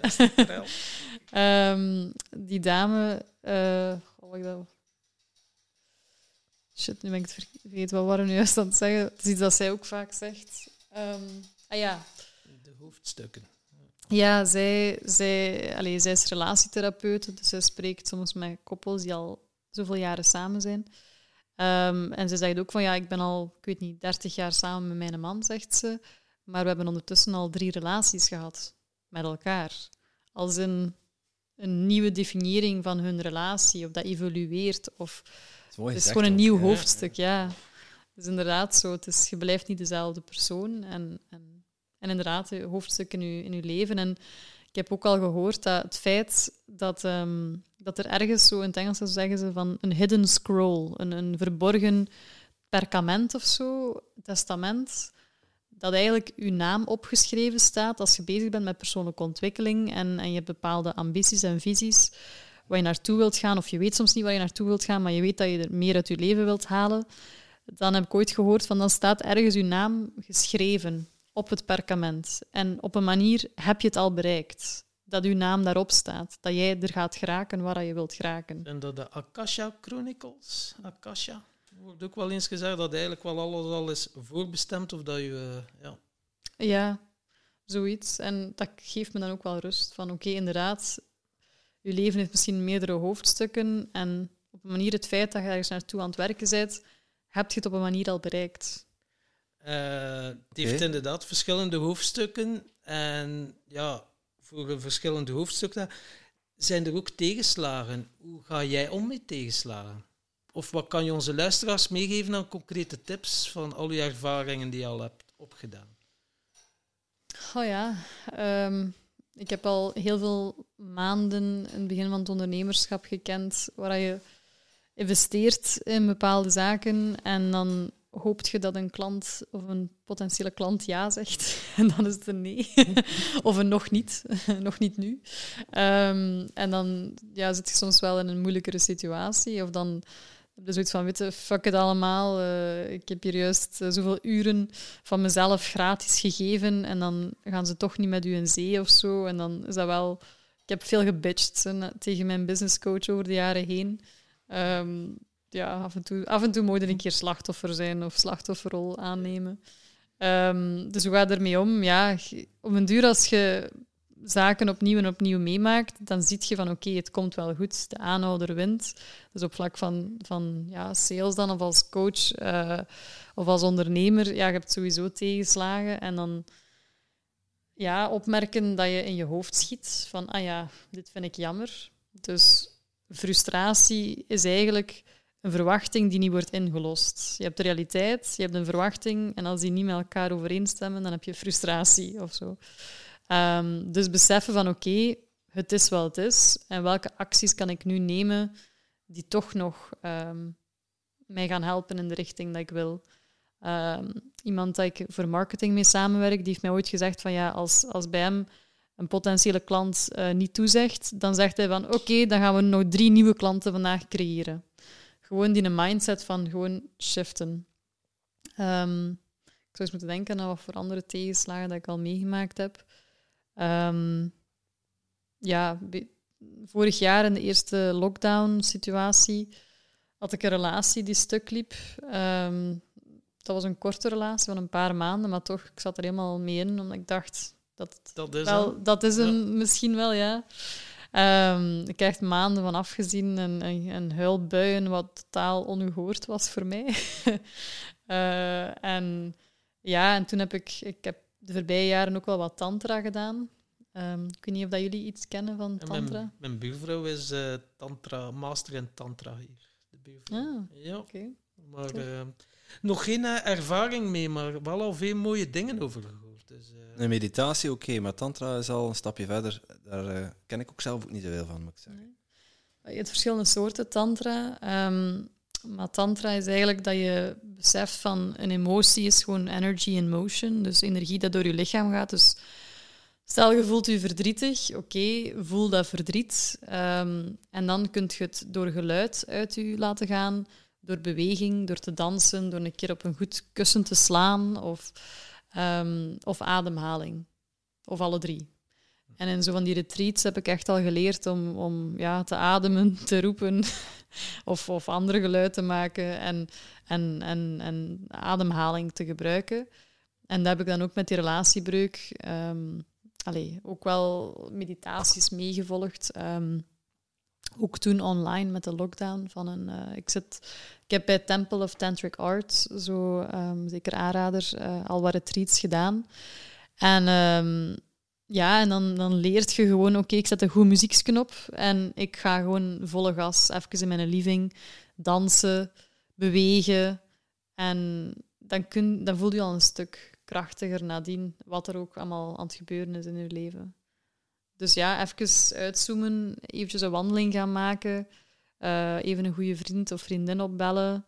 Ehm, er is veel dat je kunt doen. Ik heb ooit tegen een cliënt gezegd van als je als je, je down voelt of zo, zie dat je op voorhand een lijstje hebt van een top 10, een soort van menu waar je uit kunt kiezen. Als je je een keer slecht voelt of zo, eh, chocoladetaart eten of een wandeling of je moeder bellen. Of maak voor jezelf een lijst wat je weet dat, de, dat u gaat helpen om, om terug het licht te zien, zeg maar. Ehm, dat je voorbereid bent. Dat je niet aan het lot wordt overgelaten. Of ja, omring je huis vol met post-its van inspiratie of je vision board. Of dat heb ik zelf de voorbije jaren gedaan. Zodanig dat um, ja, als ik er eens ja, tegen zat, dat ik uh, al snel dacht van oké, maar we zijn aan het werken aan die visie van uh, Bali of zo. Gewoon van, het is groter dan mijn issue hier vandaag de dag. En een laatste oefening dat ik ook wel vaak heb gedaan, iets dat ik ooit op um, een seminarie van Tony Robbins ook heb geleerd en ook van andere coaches, is gewoon volledig een keer in slachtofferrol te gaan. Dus slachtofferrol, oh, het is toch miserie en men oh, slecht bezig en al, al die verhalen, dat je echt volledig je lichaam gebruikt om extreem daarin te gaan. Bij mij is dat dan op de grond in de living beginnen kruipen als een kakkerlak, eh, met mijn pootjes omhoog, mijn benen omhoog, van oh, het leven is oneerlijk, en, en ook dat uit te spreken en echt, uh, ja... Ik denk wel dat je het voor u ziet, hè? Ja. Uh, ja, ja, maar echt zo geluid en... en hopen dat uw muren goed geïsoleerd zijn voor uw buren. En, en dan instant shiften, instant naar het omgekeerde van ik ben powerful, borst vooruit, ja, ik ben een lion, yes, yes, als ik het kan, ja, als iedereen het kan, ik kan het of ik kan het, ja, yes, komt gewoon goed. En dan, allee, shift, terug op de grond, gelijk een kakkerlak. En dan, terug weer in de miserie. Terug weer in de miserie, uh, maar echt all the way. Hè. De meeste mensen zijn altijd zo heel voorzichtig, maar het is in uw living, niemand ziet u. Van, uh, van min 100 naar 200. En, ja, en dan zo vier, vijf keer op en neer. Um, en ik weet niet goed wat het, uh, de psychologie erachter is, maar op een duur, dat is zo een, een, een, krachtige exercitie, omdat je ziet wat de slachtofferrol eigenlijk is en dat je daar niet het antwoord ziet dat je moet hebben. En in die situatie van, ja, borst vooruit, ik kan het, ik kan het, yes, ik doe het, dan zie je wel opeens de mogelijkheden. En op een duur wilt je niet meer die kakkerlak op de grond zijn. Wilde gewoon die leeuw, in mijn geval dan de leeuw die er staat zijn. Dus dat is ook voor mij een oefening dat ik vaak al Het is wel uh, een oefening dat ik nog nooit niet gehoord heb, maar die ik toch wel een keer... Uh, Ze klinkt wel krachtig. Die, Echt wel krachtig. Die ik toch wel uh, eerst straks een keer ga toepassen. ja, dat is echt wel een hele mooie. Ja. Ja, ja. ja en het klinkt ook wel ergens logisch. Echt van echt dat slachtofferrol, ja, het zielige, naar op dat powerful. En om den duur, als je er van dat ene uiterste naar de andere uiterste, ja, dat moet wel iets doen in je systeem. Ja. Dus, uh, ik weet nog niet of dat ik als een kakkerlak ga rollen.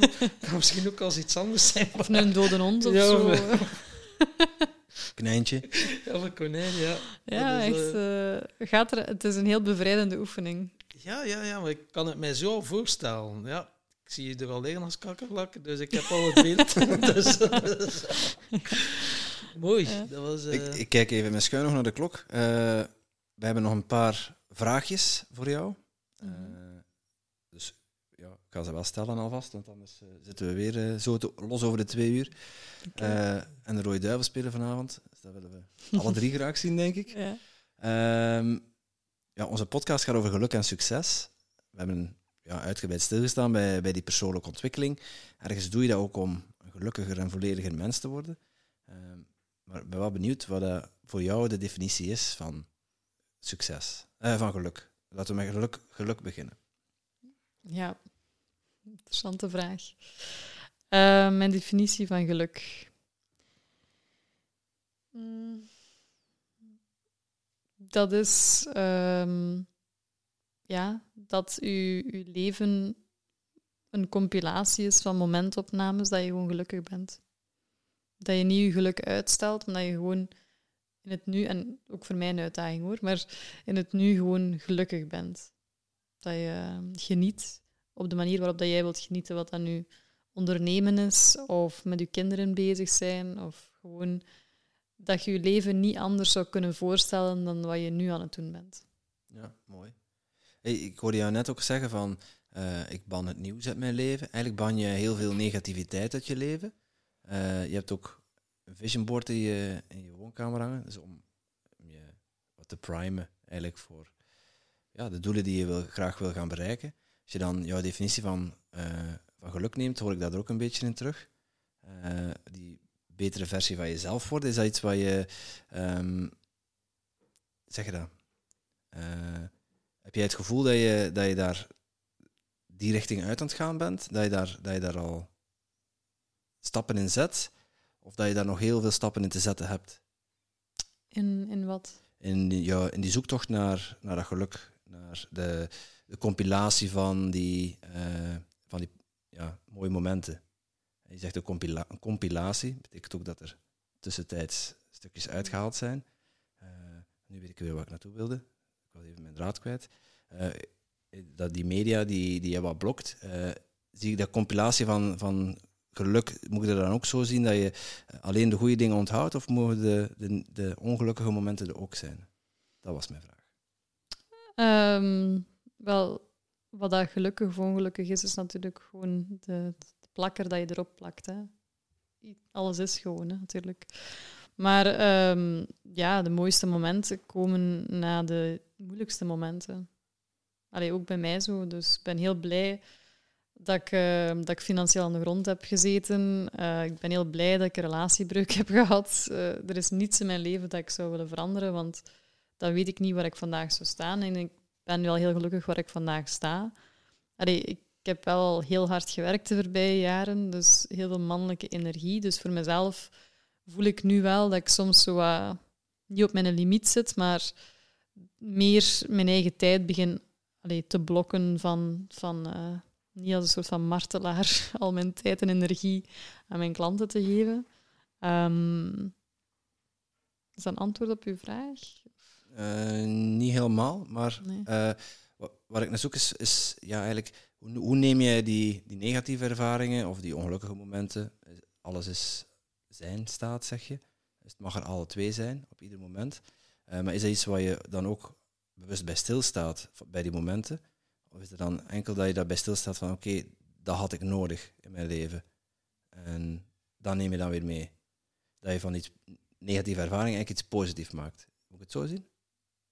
Wacht, kan je de vraag nog eens herhalen? Ik snap er ook geen nee. bal van.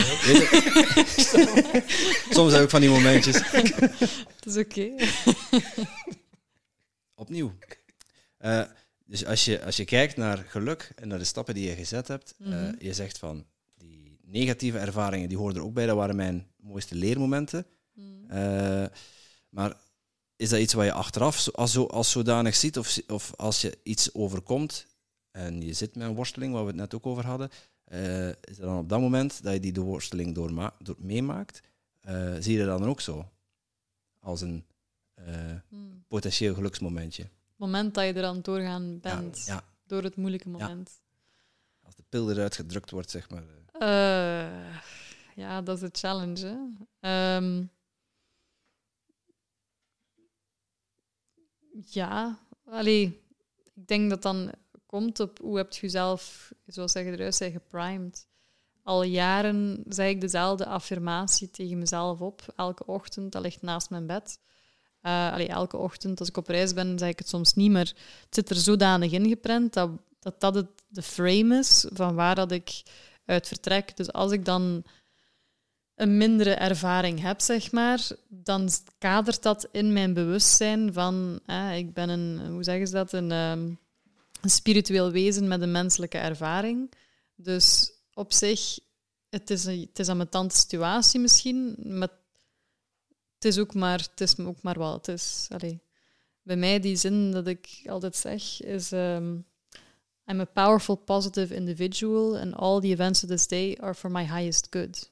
Dus ik ben een krachtige individu en alles wat ik vandaag meemaak is voor mijn hoogste goed.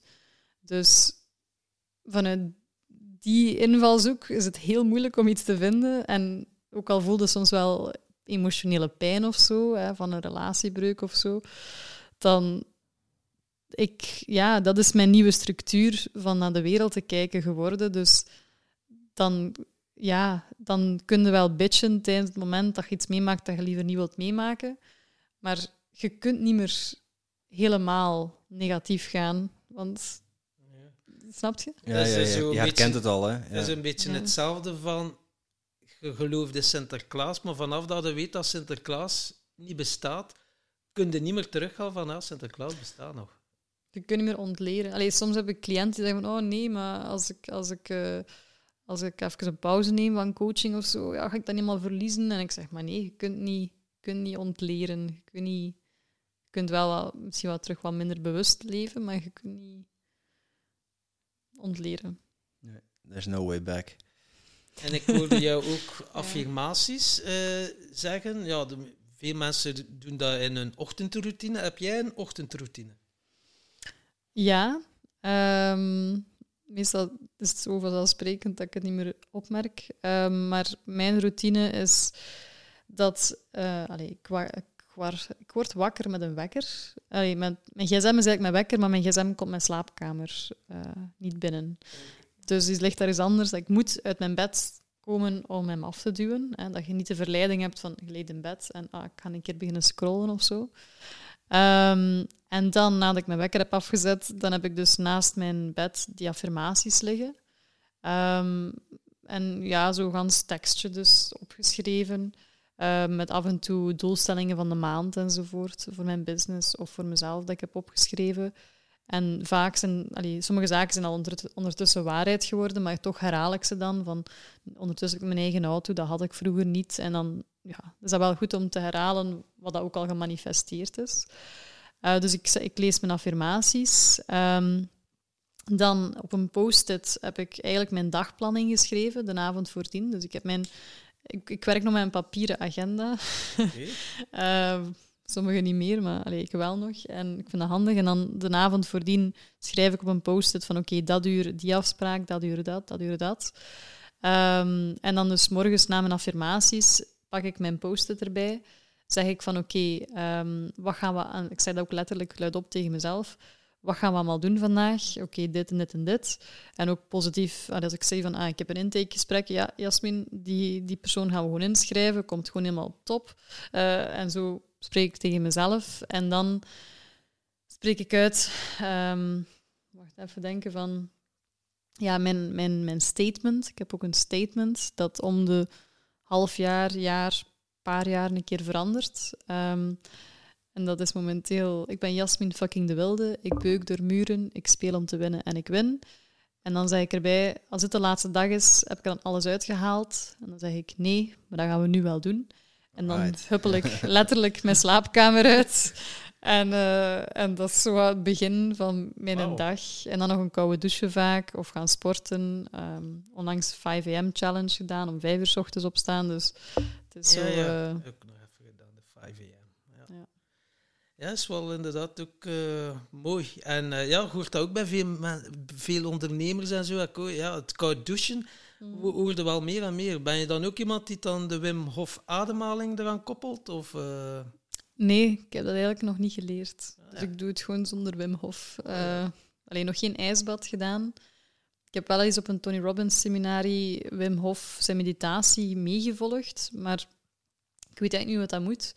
Maar dat koud douchen lukt mij wel redelijk goed. Ja. Ja. Dat is gewoon, en dan herhaal ik ook mijn statement. We, hebben- Ehm, we, we hadden drie in onze podcast. Ik denk route 16 of 17 in het begin. En die, eh, die is Wim Hof instructeur. En die heeft ook een, eh, eh, een tof filmpje opgenomen, speciaal voor onze podcastluisteraars.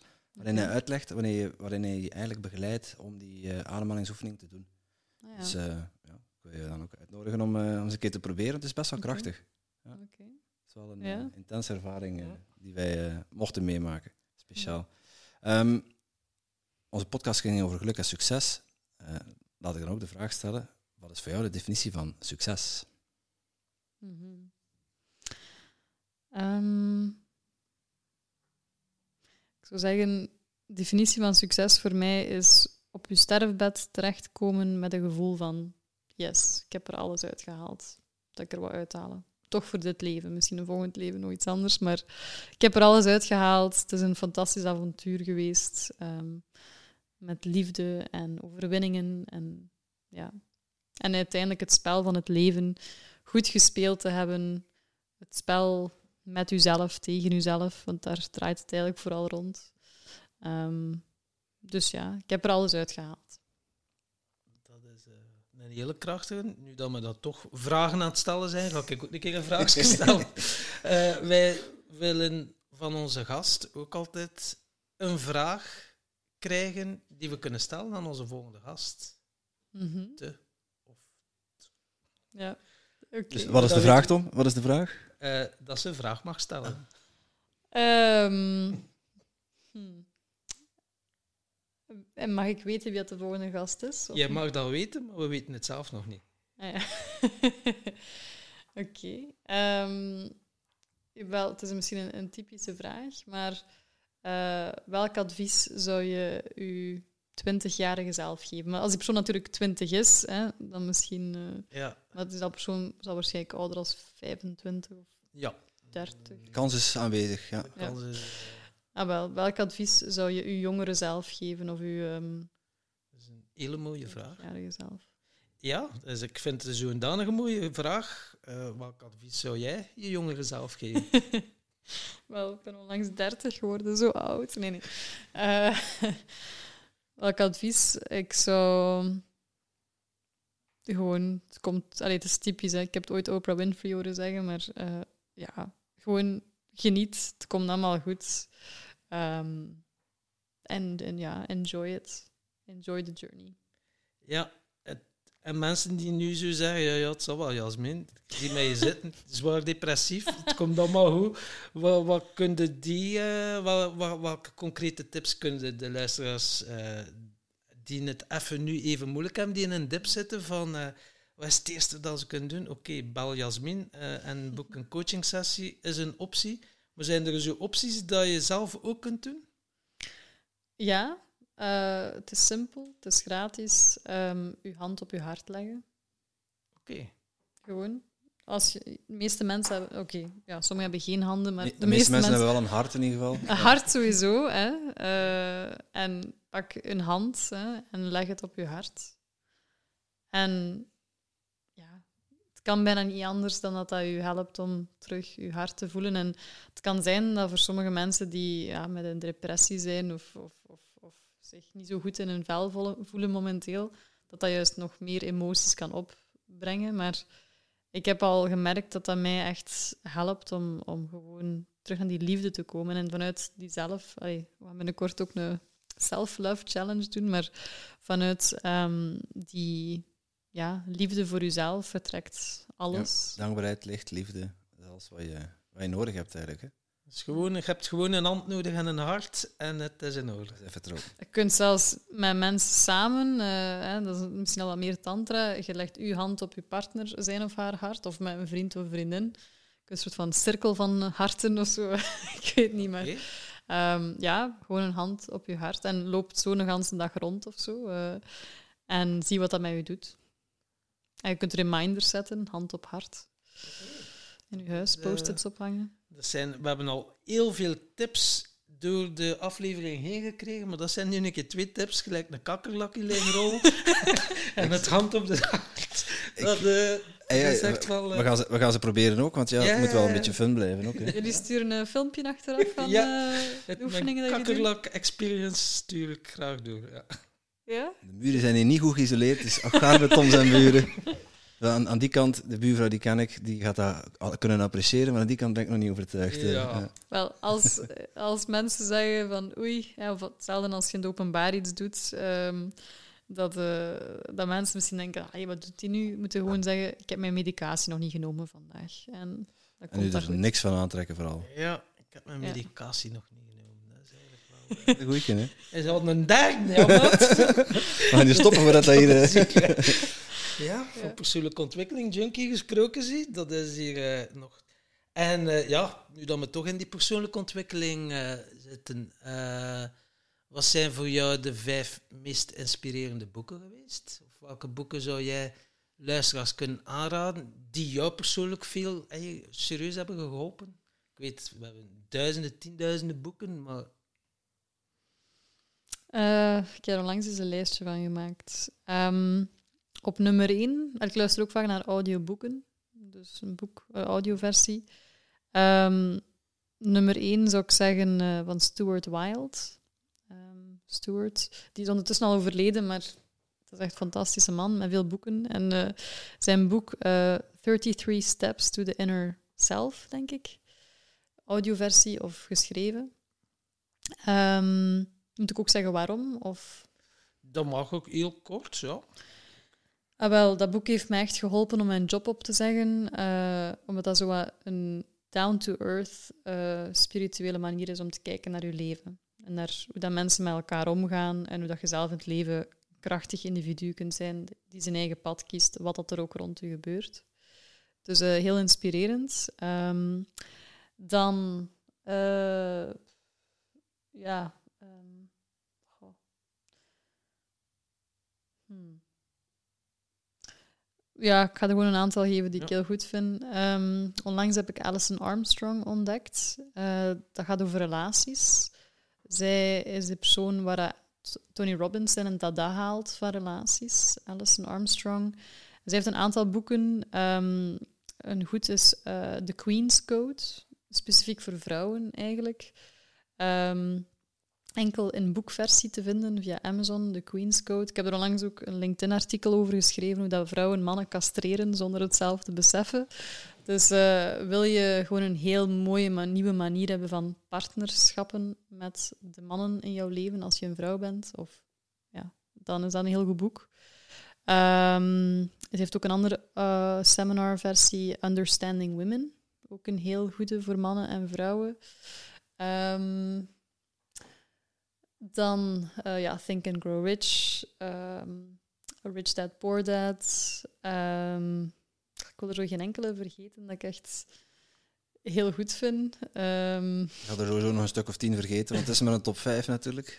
Ah ja, de, de 5am Club uh, van Robin Sharma. Ah. Um, daarop heb ik, allee, hebben we onlangs de 5am Challenge georganiseerd. Door 66 dagen om 5 uur s ochtends op te staan. Pittig, hè? Dus uh, zeker ook een aanrader, dat boek. Um, en doe je dan nu nog altijd vijf uur opstaan? Of is het niet elke dag. Nee, het was even pittig. Ik heb van 1 januari tot begin maart dat alleen gedaan, elke dag. En dan van 1 april tot uh, begin juni met een groep mensen online via Zoom elke dag. Dus daar kwam ook wel wat bij kijken. Dus uh, nu even pauze maar, allez, van groepsgebeuren.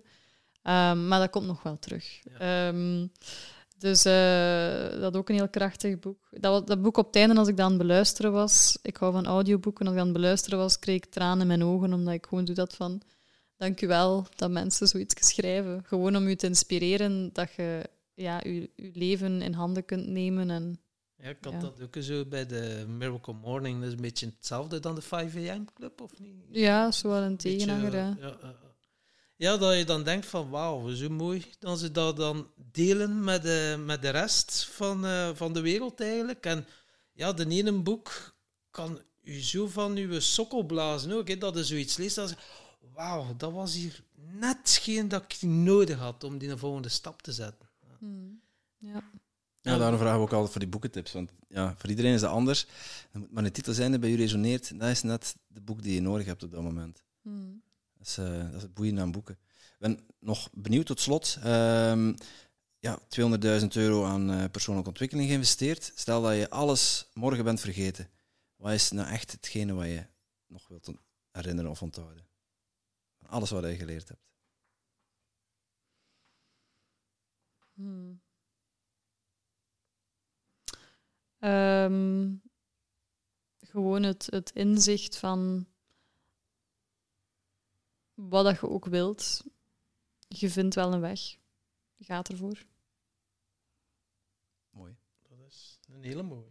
Ik denk dat dat de basis is. Dat is zo, ja, een beetje zoals je een wens zou mogen doen, dat je gewoon kunt wensen dat je nog wensen hebt. dat is gewoon de basics. Als je, als je alles wist, inderdaad, dat is gewoon de basis waarmee dat je dan terug de rest kunt gaan opbouwen. Ja. Oké. Okay. Um, als mensen meer willen weten over, uh, over jou, Jasmin, en wat jij doet, waar kunnen ze dan terecht? Um, op onze website wearelions.be.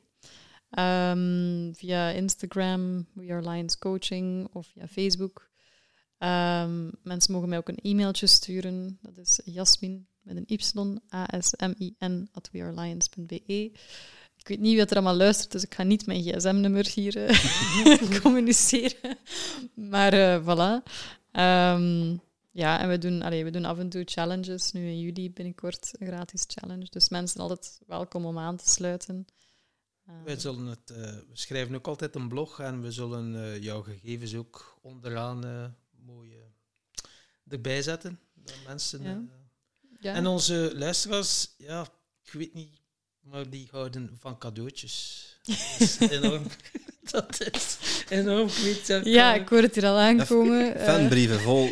Die wasmand zit vol fanbrieven met Kijk, verzoekjes. en alle, alle Ja. boeken die we al gekregen hebben, cadeautjes, we moeten nog wel enkele rondbrengen. Maar, eh, ja, dus wat is de vraag? Heb, heb je misschien een tof e-book of iets, eh, of een, eh, ja, een masterclass of een webinar wat je zou willen weggeven voor onze luisteraars? Ehm, wel, ik heb vorig jaar, ehm gans 2020, een, onze eerste online cursus opgenomen. 90 korte video's over ja, het, naslagwerk, de basis van, van, van wat dat ik weet en wat dat we doen in coaching. Ehm, als het een soort van wedstrijd is, ik kan niet gewoon... Allee, dat is wel een betalend iets, normaal gezien. Hè. Dat is een 500 euro voor een cursus. Ehm, maar ik kan er wel een aantal pakt, eh, ja, eh, vijf of zo eh, Wauw. Wauw. weggeven. eh, dat mensen inlogcode krijgen. En, eh, En Wat, moeten moet, ze wat moeten ze daarvoor doen, eh Ja, dat is wel een hele mooie cadeau. Wat moeten ze er iets voor doen? Ja, dat is, dat is een goed idee, want ik geef soms gewoon zonder dat mensen ook een eigen input. Ehm, Maar misschien dat ze, dat ze na deze podcast geluisterd te hebben, dat ze kunnen opschrijven of ehm, ja, kunnen neerschrijven voor zichzelf wat dat de inzichten zijn dat zij mee aan de slag gaan. Ehm, en, en dat eh, delen met, met Willen we het zo zeggen dat ze hun top drie van mooiste inzichten van deze podcast neerschrijven? ja, dat ze dat neerschrijven en dat ik het ook allee, kan zien eh, dat ze mij Ja, dat ze ons En jij mag dan eh, samen met ons, de driekoppige jury, gaan wij dan... Dat is Oké. goed, ja. Onverbiddelijk, maar rechtvaardig. ja.